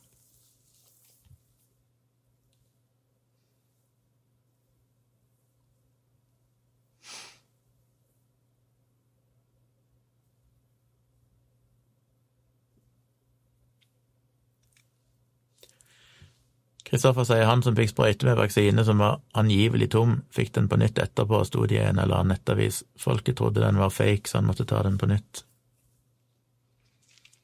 Det var derfor jeg sa han var litt uinteressant, for selv om han var fake, og jeg aner ikke fortsatt hva som er greia, så finnes det jo tusen forklaringer på det. At de gjorde det som en slags sånn pressegreie, at av en eller annen grunn så hadde de ikke vaksinen der. Men det er på en måte helt irrelevant for diskusjonen, for sånn so what, liksom. Ja, kanskje det var idiotisk, det er idiotisk å gjøre noe sånn for å få bildene av det, når de vet at det kan bli avslørt.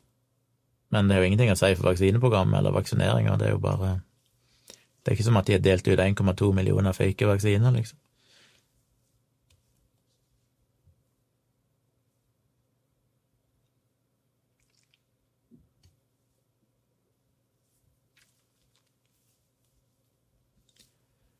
Thomas sier den allergiske reaksjonen heter anafalyktisk reaksjon.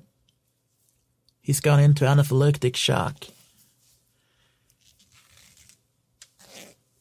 Jeg har vært eh, radiografstudent, og vi lærte om at kontrastmidler en sjelden gang gir slik reaksjon. Cirka én av 100 000. Jeg tror jeg ble advart om det når jeg òg har fått sånn eh, kontrastmiddel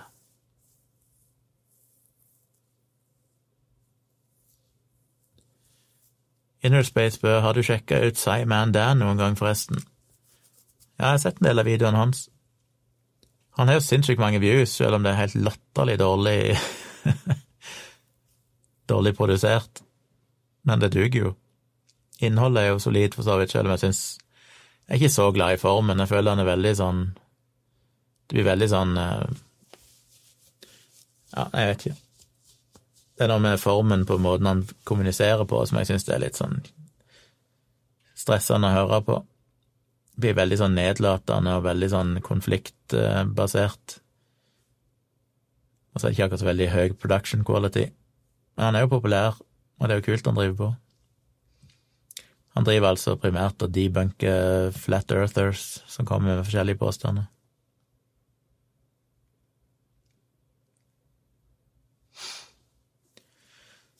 Thomas sier som regel virker adrenalin som motgift, men det hender en sjelden gang at folk likevel dør.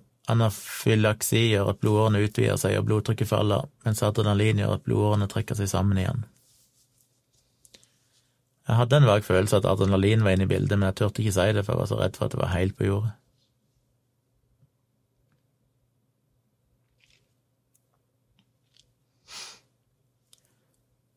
Remitten diskuterer JK Rowling har skrevet Jeg skal ikke si noe sikkert, altså, men jeg har sett veldig mange si hun har sagt sykt drøye ting, men jeg har fortsatt til gode å se henne, noe, se henne si noe faktisk drøyt.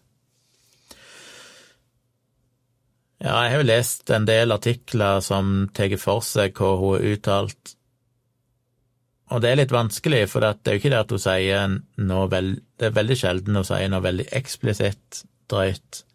Men det er vel ofte mer ting hun henviser til, eller folk hun retweeter, eller Det mye sånne ting som er litt mer sånn indirekte, som fremstiller et syn der hun tydeligvis er ganske tydelig på at hun ikke ser ut til å akseptere at transkvinner faktisk er kvinner. Eh, og motsatt, holdt jeg på å eller transmenn er menn. Som mange reagerer på. Så det er litt sånn med henne at jeg òg hadde ikke lagt merke til det, tror jeg, hadde ikke vært for at jeg lest artikler som har gått inn og faktisk satt det i kontekst. Og så er det alltid litt farlig med sånne artikler, for at, eh, selvfølgelig de har en del gode poenger som er riktige, men av og til føles det som at det kan bli en øvelse i å tolke ting i verste mening. Så jeg føler det er litt sånn balanse mellom at jeg er helt enig i at ja, hun har sagt ting som jeg tror tydelig viser at hun har et syn på transdebatten som ikke jeg er enig i, iallfall, og som jeg syns er uheldig, og som er skadelig for transpersoner. Men så føler jeg jo ofte at de kan trekke det litt for langt i tolkningene av det. Pluss at jeg mener at reaksjonene hun har fått i retur, ofte ikke henger på greip. Folk blir jo i overkant hatske, som jeg ikke syns er så konstruktivt uansett.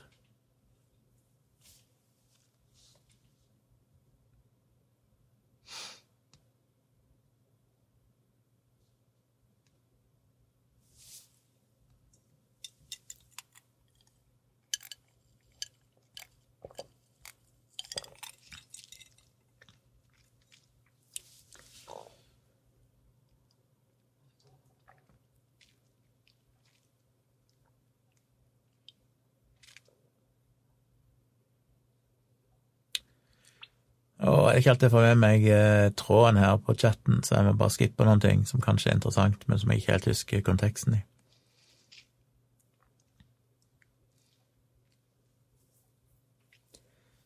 Roy skriver at første PC-en min hadde 64 kilobyte ram. Ting har utviklet seg, ja. Ja, min Commodore 64 hadde jo 64 kilobyte ram, men den første PC-en min tror jeg hadde 1 megabyte.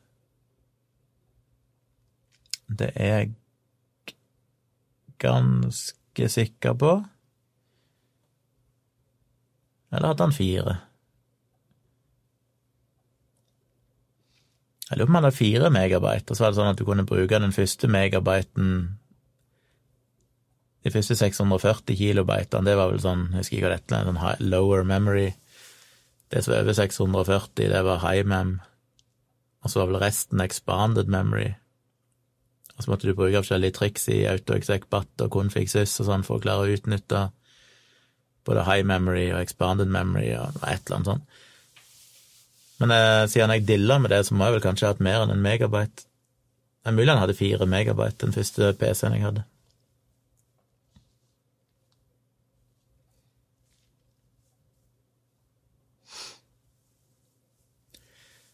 En kompis av meg, sier Kristoffer, skal ta vaksine, men jeg vil helst ta vaksinen fra Moderna. Han mener den er tryggere og sikrere enn Pfizer sin. Jeg har ikke sammenlignet ennå. Nei, jeg har heller ikke sett noe data som uh, tyder på det, eller noen debatter omkring akkurat det. Det virker som de er Ja. Jeg har iallfall ikke fått med meg at det skal være noe grunnlag for å anta at Moderna sin er tryggere. Så spørs det jo om du, hvor mye valgfrihet du egentlig får. Det kommer litt an på hvilke doser som er tilgjengelig der du bor. Jeg tviler på at de kommer til å ha forskjellige vaksiner som forskjellige Der du kan velge fra en meny.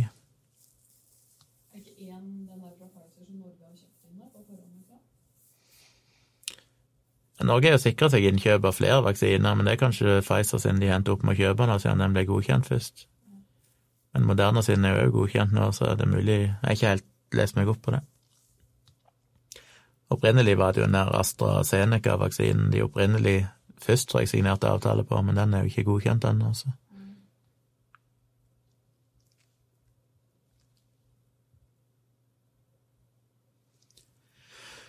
Innerspace sier min første PC hadde 512 kilobyte internminne, og den brukte ca. 70 sekunder til å telle opp dette før den var klar. Det var en tidlig 80-talls IBM PC XT. Jeg fikk min første PC i 89, tror jeg, hvis ikke jeg husker feil. Men ja, jeg husker jo når han drev og telte opp minnet. Du kunne jo gå inn i biosen og skippe denne memory-testen. Eller iallfall gjøre en kjapp versjon av den. Hvis du hadde på den fulle memory-testen i bios, så tok han jo evigheter for å telle opp hele minnet. Hallais, Gustav.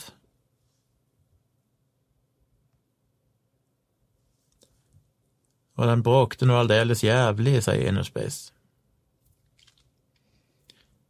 Jeg husker ikke helt støynivået i min, men jeg vil, vel anta de sikkert var bråkete. Harddisken er iallfall ikke stille. Nå har jeg endelig klart å scrolle meg ned til bunnen av kommentarfeltet her. Vi er på rundt 60 eh, live viewers. 59 i skrivende øyeblikk. Det betyr at det har økt litt i det siste. For I begynnelsen så lå det på rundt 30, og så begynte det å gå opp mot 50, og nå begynner det å ligge på 60. Så nå er det bare å fortsette. Jeg var inne i dag og gjorde noen endringer til de som er patrons, så jeg har altså gjort en endring, to endringer i dag inne på patronen min.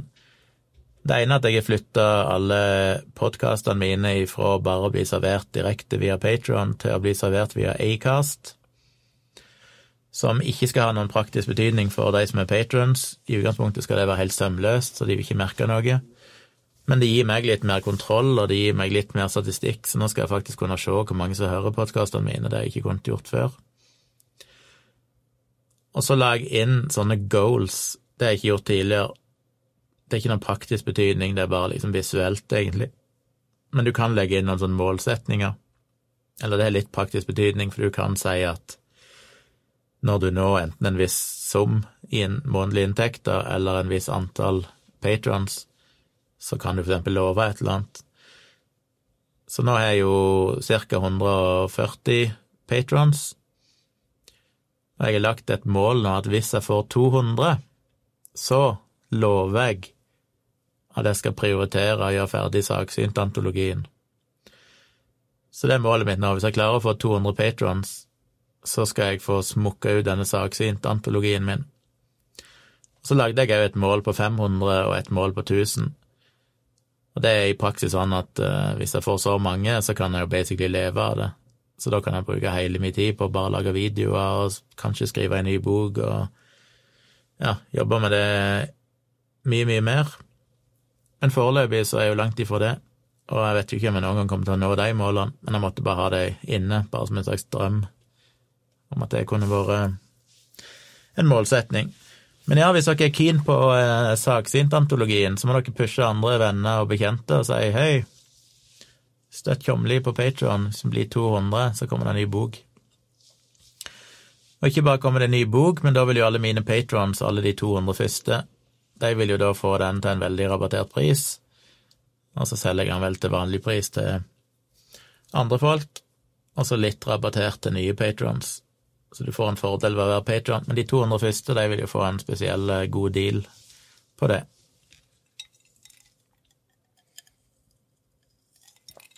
Så hvis du Hvis vi når 200 patrons i løpet av 2021, det hadde vært kult. Og det bør jo være mulig å gjøre.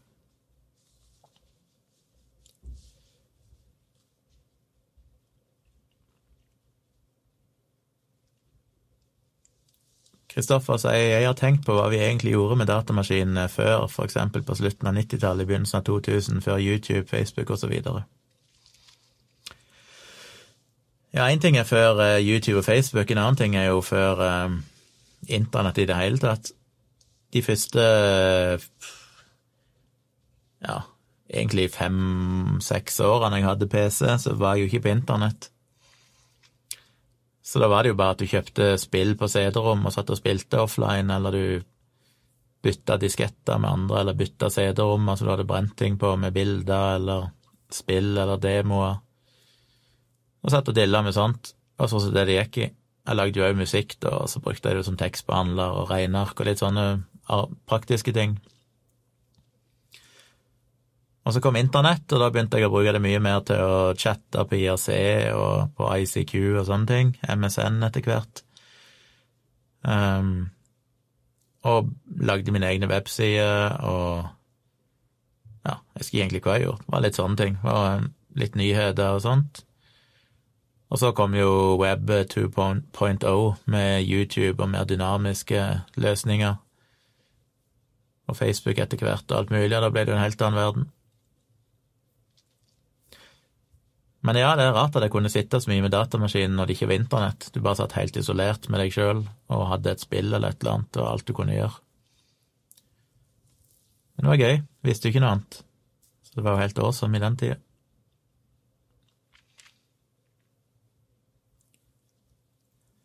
Thomas påpeker at det bare er 15 likes, er 18 akkurat nå, men eh, folkens Vi burde jo få Nå er det 63 personer inne, vi burde hatt 63 likes Så bare trykk på thumbs up under videoen, det hjelper meg å spre mitt, uh, mitt og deres budskap her i chatten. Og husk for all del å abonnere på kanalen, så dere får varslinger når jeg går live og legger ut nye videoer. KO Ovesund skriver verst av alt, jeg har brukt mesteparten av dagen til å installere Windows 3.11 i DOSBox i Linux. De gærne har det godt. Det hadde jeg ikke giddet, ass. Men jeg kan ennå huske første gang jeg installerte Windows 3.11 tilbake i Når var det? 93? Noe sånt? Eller var det før? Nei, var kanskje i 93 eller noe sånt. Da var jeg ganske mindblown. Det var noen hakk opp ifra det jeg var vant med.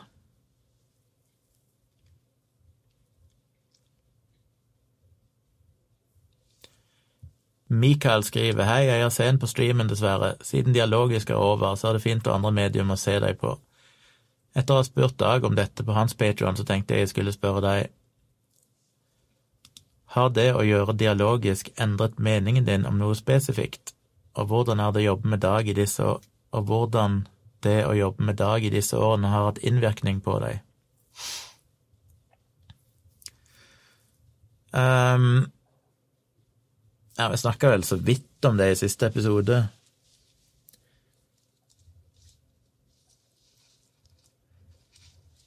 Jeg er litt usikker på hvordan det påvirker meg i praksis. Jeg vet at jeg ofte har tenkt at jeg hadde lyst til å være litt mer som Dag. og være, gi litt mer faren av og til, og ikke være så opphengt i uh, å prøve å si ting som jeg følte jeg kunne stå for, liksom, eller som ikke blir for flåsete. Men jeg vet ikke om jeg egentlig endrer meg så mye i den retningen.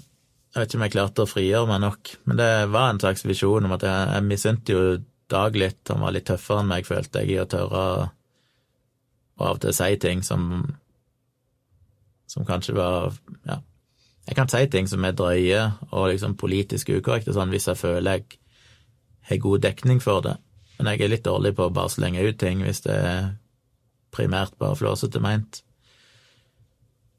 Um, og ellers har jo meg i dag hatt mange gode debatter om ting og tang. Det er vanskelig å huske noe sånn helt konkret, men jeg vet jo at han har nok dratt meg i en litt annen retning. Og det har vel begge to gjort med hverandre, at vi har nok påvirka hverandre litt. Uh, han har nok uh, Jeg tror nok kanskje jeg hadde lettere blitt dratt litt mer i retningen av at jeg kanskje litt for enkelt hadde avfeid folk som Jordan Peterson eller ja, for så vidt Sam Harris og en del av de folkene, intellectual dark web-folkene. Hvis ikke jeg visste at jeg måtte ta den diskusjonen med Dag, og dermed ble jeg tvunget til å på en måte sette meg litt mer inn i det enn det jeg kanskje hadde gidda å investere tid i ellers. Så jeg tror nok i den retningen er vel det Dag er påvirka mest at han har nok vært litt litt mer Ikke på høyresida, for det er han jo egentlig ikke, men nærmere sentrum enn meg.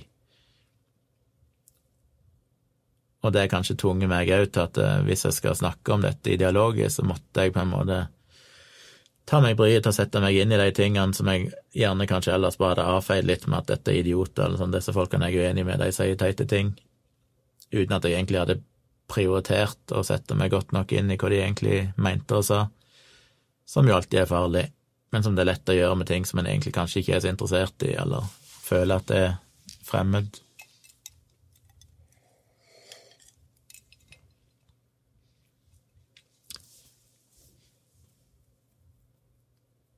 Ja, så det var vel egentlig svaret på de spørsmålene dine. Det er vanskelig å finne noe helt konkret sånn i farten. Det handler nok mer om bare en sånn trend, at du blir litt dratt i en litt annen retning enn det du kanskje ellers ville gått. Så det er jo vært veldig sunt å vite at du må i et offentlig fora, som jo en podkast er, der vi ikke er manus og sånn,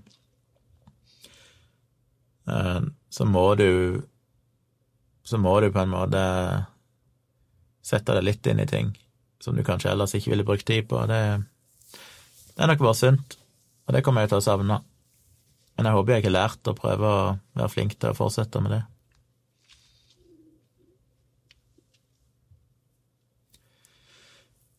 Innerspace sier Eller Sofia Fat Liberation spør tror du klarsynte bare sier bullshit. Det er jo et komplekst spørsmål. I utgangspunktet så mener jeg det, ja. Men jeg mener ikke alltid at det er så enkelt som at de nødvendigvis lyver. Det kan være mer komplekst enn det.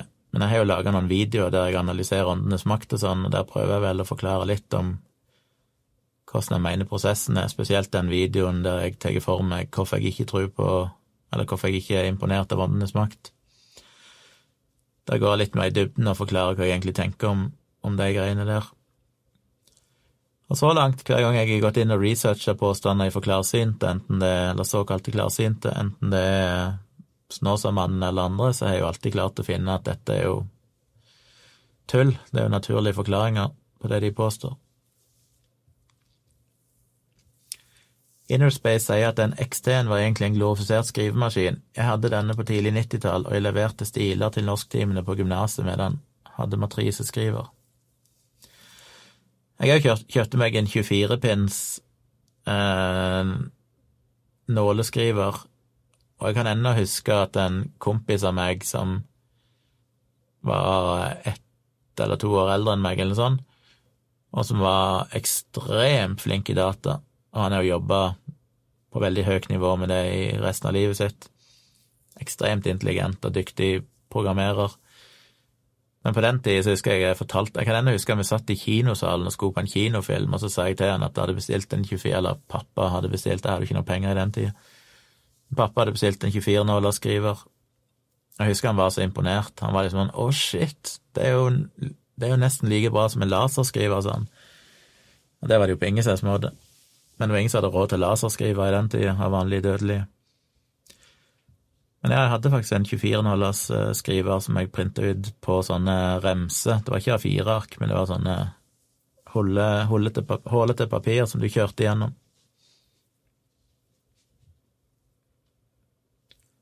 Og så hadde jeg et eller annet program som jeg ikke husker lenger.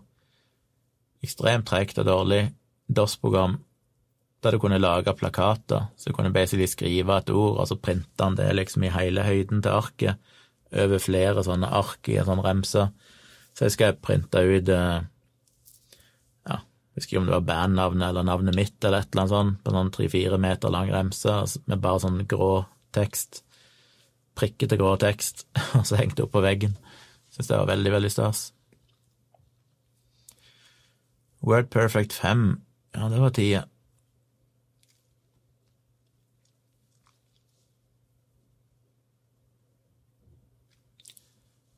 Stefan sier hei, Gunnar, takk for at du rerte til meg i den siste dialogiske episoden. Ti teite. Og deg, ja. Hva syns du om legitimate interests i GDPR-meldingen på nettsider?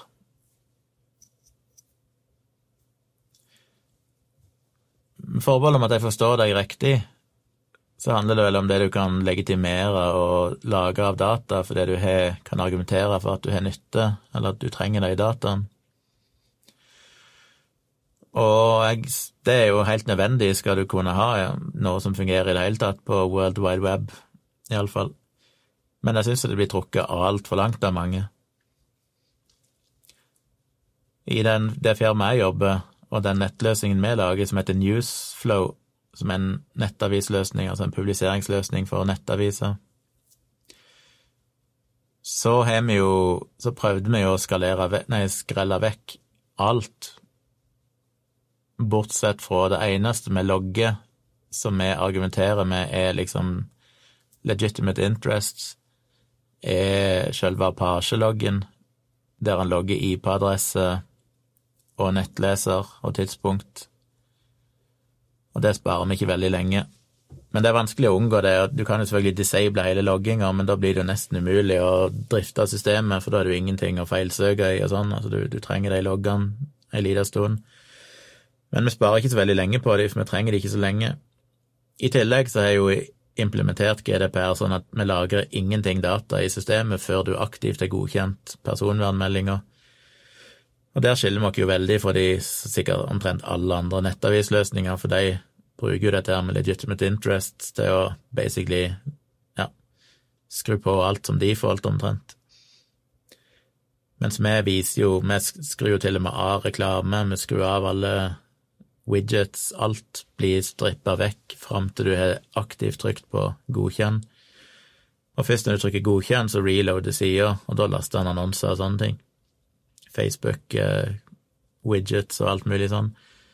Så fram til du er godkjent, så setter vi ikke en sesjon engang, lagrer ingen cookies, det er helt dødt. Så det eneste vi lagrer, er IP-adressen og browser Eller den, eh, ja, den browser-stringen. Eh, eller user agent, mener jeg. Og eventuelt tidspunkt, da. Det lagrer vi en kort tid. Og jeg har jo, som jeg snakket om tidligere her, hatt heftige debatter med Schibsted sin digitale sjef og sånn, for jeg mener at de er så ekstreme. De lagrer jo omtrent alt, og så sier de at det er legitimate interests, og så må du oppta ut av ting som jeg mener er helt misforstått. Men det jeg ranta om før, så jeg skal ikke ta hele den igjen. Så jeg håper jeg forsto spørsmålet rett. Korte svaret er altså at jeg mener at du må ha det, for nå må du lagre for å kunne drifte en nettside i det hele tatt men eh, det blir trukket altfor langt. Kristoffer spør hadde du Nettby. Ja, det svarte jeg òg på forleden dag, og så godt jeg kan huske, så hadde jeg ikke det, men jeg husker nettsida, og jeg har vært inne på det. Men jeg kan ikke huske at jeg hadde en profil der. Jeg følte vel at det var mest sånn fjortis, det.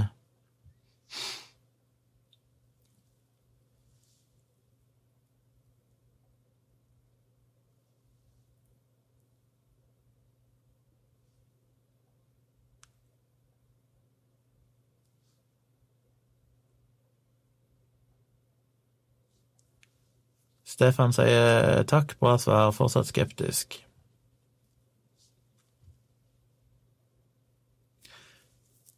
Ja, Som jeg snakka om tidligere, så er det jo ganske drøyt at Datatilsynet sier at hvis du har skrudd på cookies i nettleseren, så er du implisitt godkjent lagring av cookies.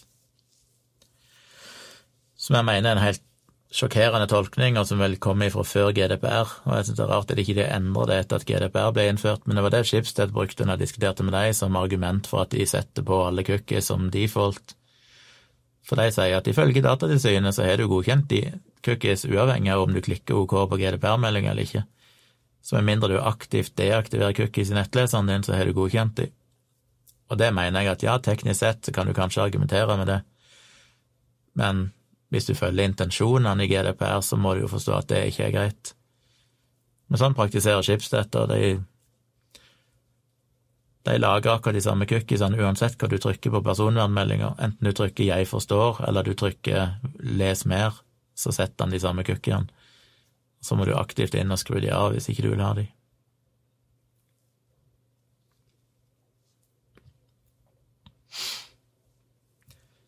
Da forlater Innerspace oss. God kveld, eller god natt, Innerspace. Jeg lurer på om jeg skal holde på litt kortere i dag og prøve å runde av innen det er gått to timer.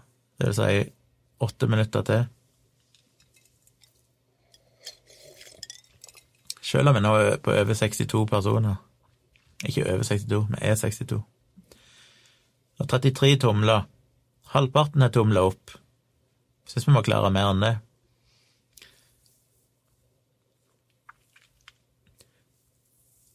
Og husk, det er fortsatt ikke for seint å gå inn og gi en tommel opp på mannegruppa Ottar-videoen min, der mannegruppa Ottar og nabovarsling gikk bananas og starta en kampanje for å downvote.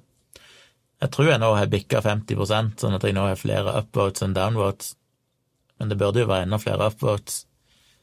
Så hvis dere har sett videoen og liker den, så hjelper det godt å gi den en tommel opp. Jeg syns det var ganske urettferdig at de bare så ekstremt mange bare ga en thumbs down uten å ha sett videoen. De bare skrev på Facebook 'Jeg har ikke sett videoen, men jeg stemte det ned'. Og det er sånn, jeez, det er jo ikke greit. De kan gjerne være uenige og gi han et thumbs down, men nå må de iallfall se videoen først, og se hva de er uenige i. Eremitten er skuffa, klokka er jo bare halv to.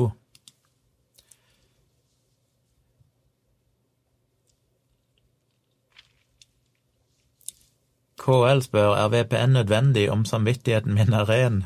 Hvis ja, hvorfor? Fordi det handler om eh, at du som standard bør kunne ha ditt privatliv uten at andre skal kunne følge med på hva du driver med. Og det vil du jo forvente i de fleste andre sammenhenger. Du har jo sannsynligvis gardiner som du kan trekke att foran vinduene dine, og du har ikke gjennomsiktige vegger i leiligheten din. Du ønsker ikke en utetoalett med gjennomsiktige vegger som du går på midt i byen. Du ønsker ikke at Posten åpner alle brevene dine og leser innholdet i dem. Du vil ikke at folk skal lese e-posten din, du deler ikke, poster ikke passordet ditt på Facebook, fordi du kan ha helt ren samvittighet, og allikevel så er det sensitiv informasjon som du kommuniserer hver eneste dag, sannsynligvis, som kanskje er helt uproblematisk at folk får tak på, men i praksis så kan det misbrukes, og det kan være alt om eh, alt ifra din seksuelle legning til ditt eh, personnummer til sladder du har spredd, til noe stygt du har sagt bak ryggen til noen, eh, som ikke engang trenger å være så stygt at du ikke har noe ren samvittighet, men som allikevel kan være ting som blir feiltolka eller blir oppfatta feil av andre og sånne ting. Poenget er at vi ønsker alle å ha privatliv, og det har ingenting med kriminalitet å gjøre. Så jeg vil absolutt si at eh, VPN er en god ting. I tillegg så kommer jo alt dette med at folk som kan sitte og sope opp det du besøker av nettsider, kan jo bygge en ganske heftig profil på deg og finne ut hva du er interessert i, hvilken politisk tilhørighet du har, ja, hvilken sykdom du lider av. I teorien så kan jo det misbrukes til å påvirke forsikringspremier til om du får livsforsikring i det hele tatt. Jeg tror ikke det skjer, i Norge iallfall. Men teknisk sett er det jo mulig, og hvem vet hva som skjer i framtida. Så det er mange grunner til at det du driver med, skal du kunne holde privat, og du skal kunne velge sjøl hva du ønsker å gjøre offentlig. Og ved å bruke VPN så hjelper du iallfall litt på det. Det er ikke noen helgod, fullsikker løsning, men det er et viktig bidrag.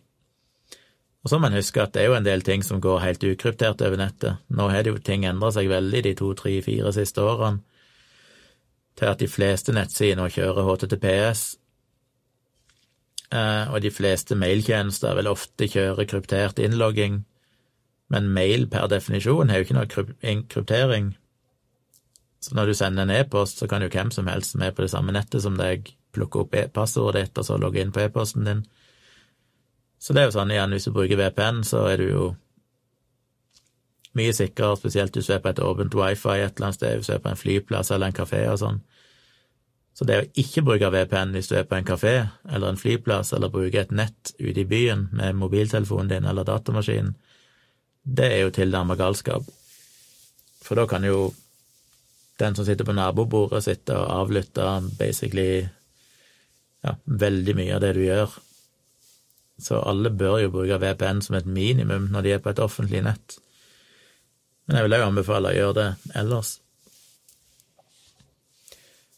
Ellers er jo Anomi skrevet en eh, bloggpost om det, som han sendte til meg. Den får han pusha pushe sjøl hvis han vil, jeg husker ikke adressen.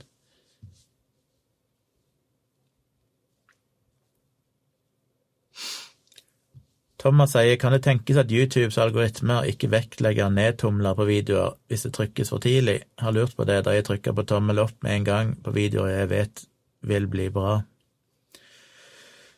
Men muligens likes hos YouTube brukes mest for å anbefale folk videoer, og at det er antall views som teller mest for å anbefale videoen til andre. Jeg snakket litt om det den dagen den dagen den kampanjen pågikk, og jeg tror jo det er rett, jeg tror nok ikke YouTube vektlegger tomlene ned, eller ratioen, for jeg tror nok de innser at tommel ned kan òg bety at det er en viktig og god video som bare provoserer folk, av gode grunner. Og om de har noe sånn intelligens som sjekker at hvis du trykker thumbs down eller thumbs up før du har sett mer enn så og så mange prosent av videoen, så teller han ikke like mye, det aner jeg ikke. Jeg vet ikke hvor komplekst de gjør det. Jeg vet ikke engang om, om Tom la opp har så mye å si lenger, for det er alltid delte meninger om det. I perioder så vet jeg det har hatt mye å si, men det ryktes som sagt at algoritmer nå til dags fokuserer mer på hvor mye du ser i antall minutter, enn om du kommenterer eller trykker thumbs up.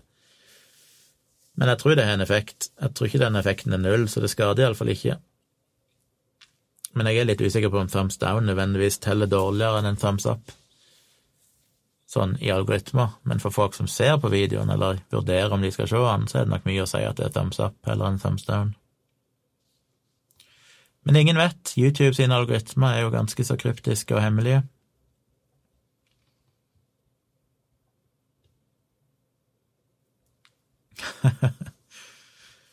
Anomi prøver seg på selgertaktikker. Han sier at bloggposten hans ligger inne i Patrion-kanalen min på discorden min. Og discorden min får du tilgang til hvis du blir Patrion. Så han mener at eh, støtt Gunnar på Patrion, så får dere lese.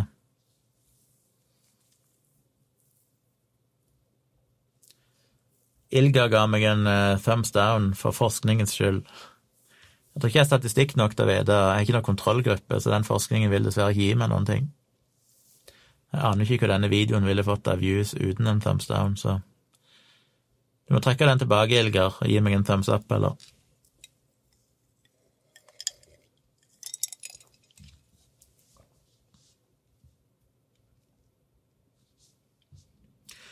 Men selv om det har vært mange inne og sett på i dag, så har det vært litt stille i chatten. Faktisk. Der endra det seg til en thumbs up. Så jeg lurer på om jeg skal runde av. To timer En gang i tida så var jo to timer mye. Nå føles det plutselig som at jeg slutter tidlig etter to timer. det er litt tragisk. Jeg glemte å drikke portvinen min. Men folkens, jeg tror jeg begynner å runde av. Jeg setter veldig pris på om dere har lyst til å hjelpe meg fram til å få 200 patrons i løpet av eh, Aller helst i løpet av de neste tre månedene. Det hadde vært kult. Så spre gjerne ordet. Jeg tror ikke dere alltid kommer på hvor mye det betyr at dere tipser andre og anbefaler patronen min, eller iallfall anbefaler livestreamen, eller anbefaler videoene mine, eller deler de. Det er ikke så fryktelig ofte jeg ser de blir delt, selv om de får mye views. Men jeg blir veldig glad når jeg ser at folk deler en video eller deler en bloggpost. Så hjelp meg gjerne til å få 200 eh, patrons, og kanskje mer i framtida, sånn at jeg kan dedikere mer tid og ressurser på å lage video, for det har jeg veldig lyst til. Så patronen min finner dere altså her. Det koster en 50-lapp å støtte meg der, eller mer, avhengig av hvor mye dere vil gi. Men En 50-lapp er god hjelp eh, i måneden, og det er ikke noe bindingstid, så dere kan eh, kutte det når dere vil. Og er dere veldig sikre på at dere ønsker å støtte meg, så kan dere støtte meg et helt år om gangen. Og da får dere to måneder rabatt, så dere betaler for ti måneder, men er Patron i tolv måneder. Så det hadde vært veldig, veldig kult. Og får vi 200 Patron, så skal dere altså få ei eh, ny bok ifra denne kanten, som dere får tilsendt veldig, veldig billig. Det hadde vært kult å få til. Så jeg håper dere vil støtte meg på Patron, de som ikke allerede gjør det. Abonner på kanalen, del, tips andre om det. Og husk at det kommer en ny episode av Virkelig grusomt-podkasten på mandag. Så husk å abonnere på Virkelig grusomt òg, så dere får med dere neste spennende episode der. Da tror jeg jeg runder av, så må jeg minne på at i morgen kveld, søndag kveld klokka ni, så blir det en åpen samboerprat for alle her på YouTube, så alle kan se, enten dere er patron eller ikke. Da er det meg og Tone, min samboer, som sitter her og livestreamer, og vi har kjøpt inn en del forskjellige julebrus. Jeg tror vi er seks eller sju forskjellige julebrus som vi skal teste og analysere live i morgen. Så det håper jeg dere ønsker å få med dere. Så jeg håper dere ser dere igjen i morgen kveld klokka ni da blir det ikke noe livestream utenom det, men det blir altså en samboerprat. Så da ses vi. Good night, folkens.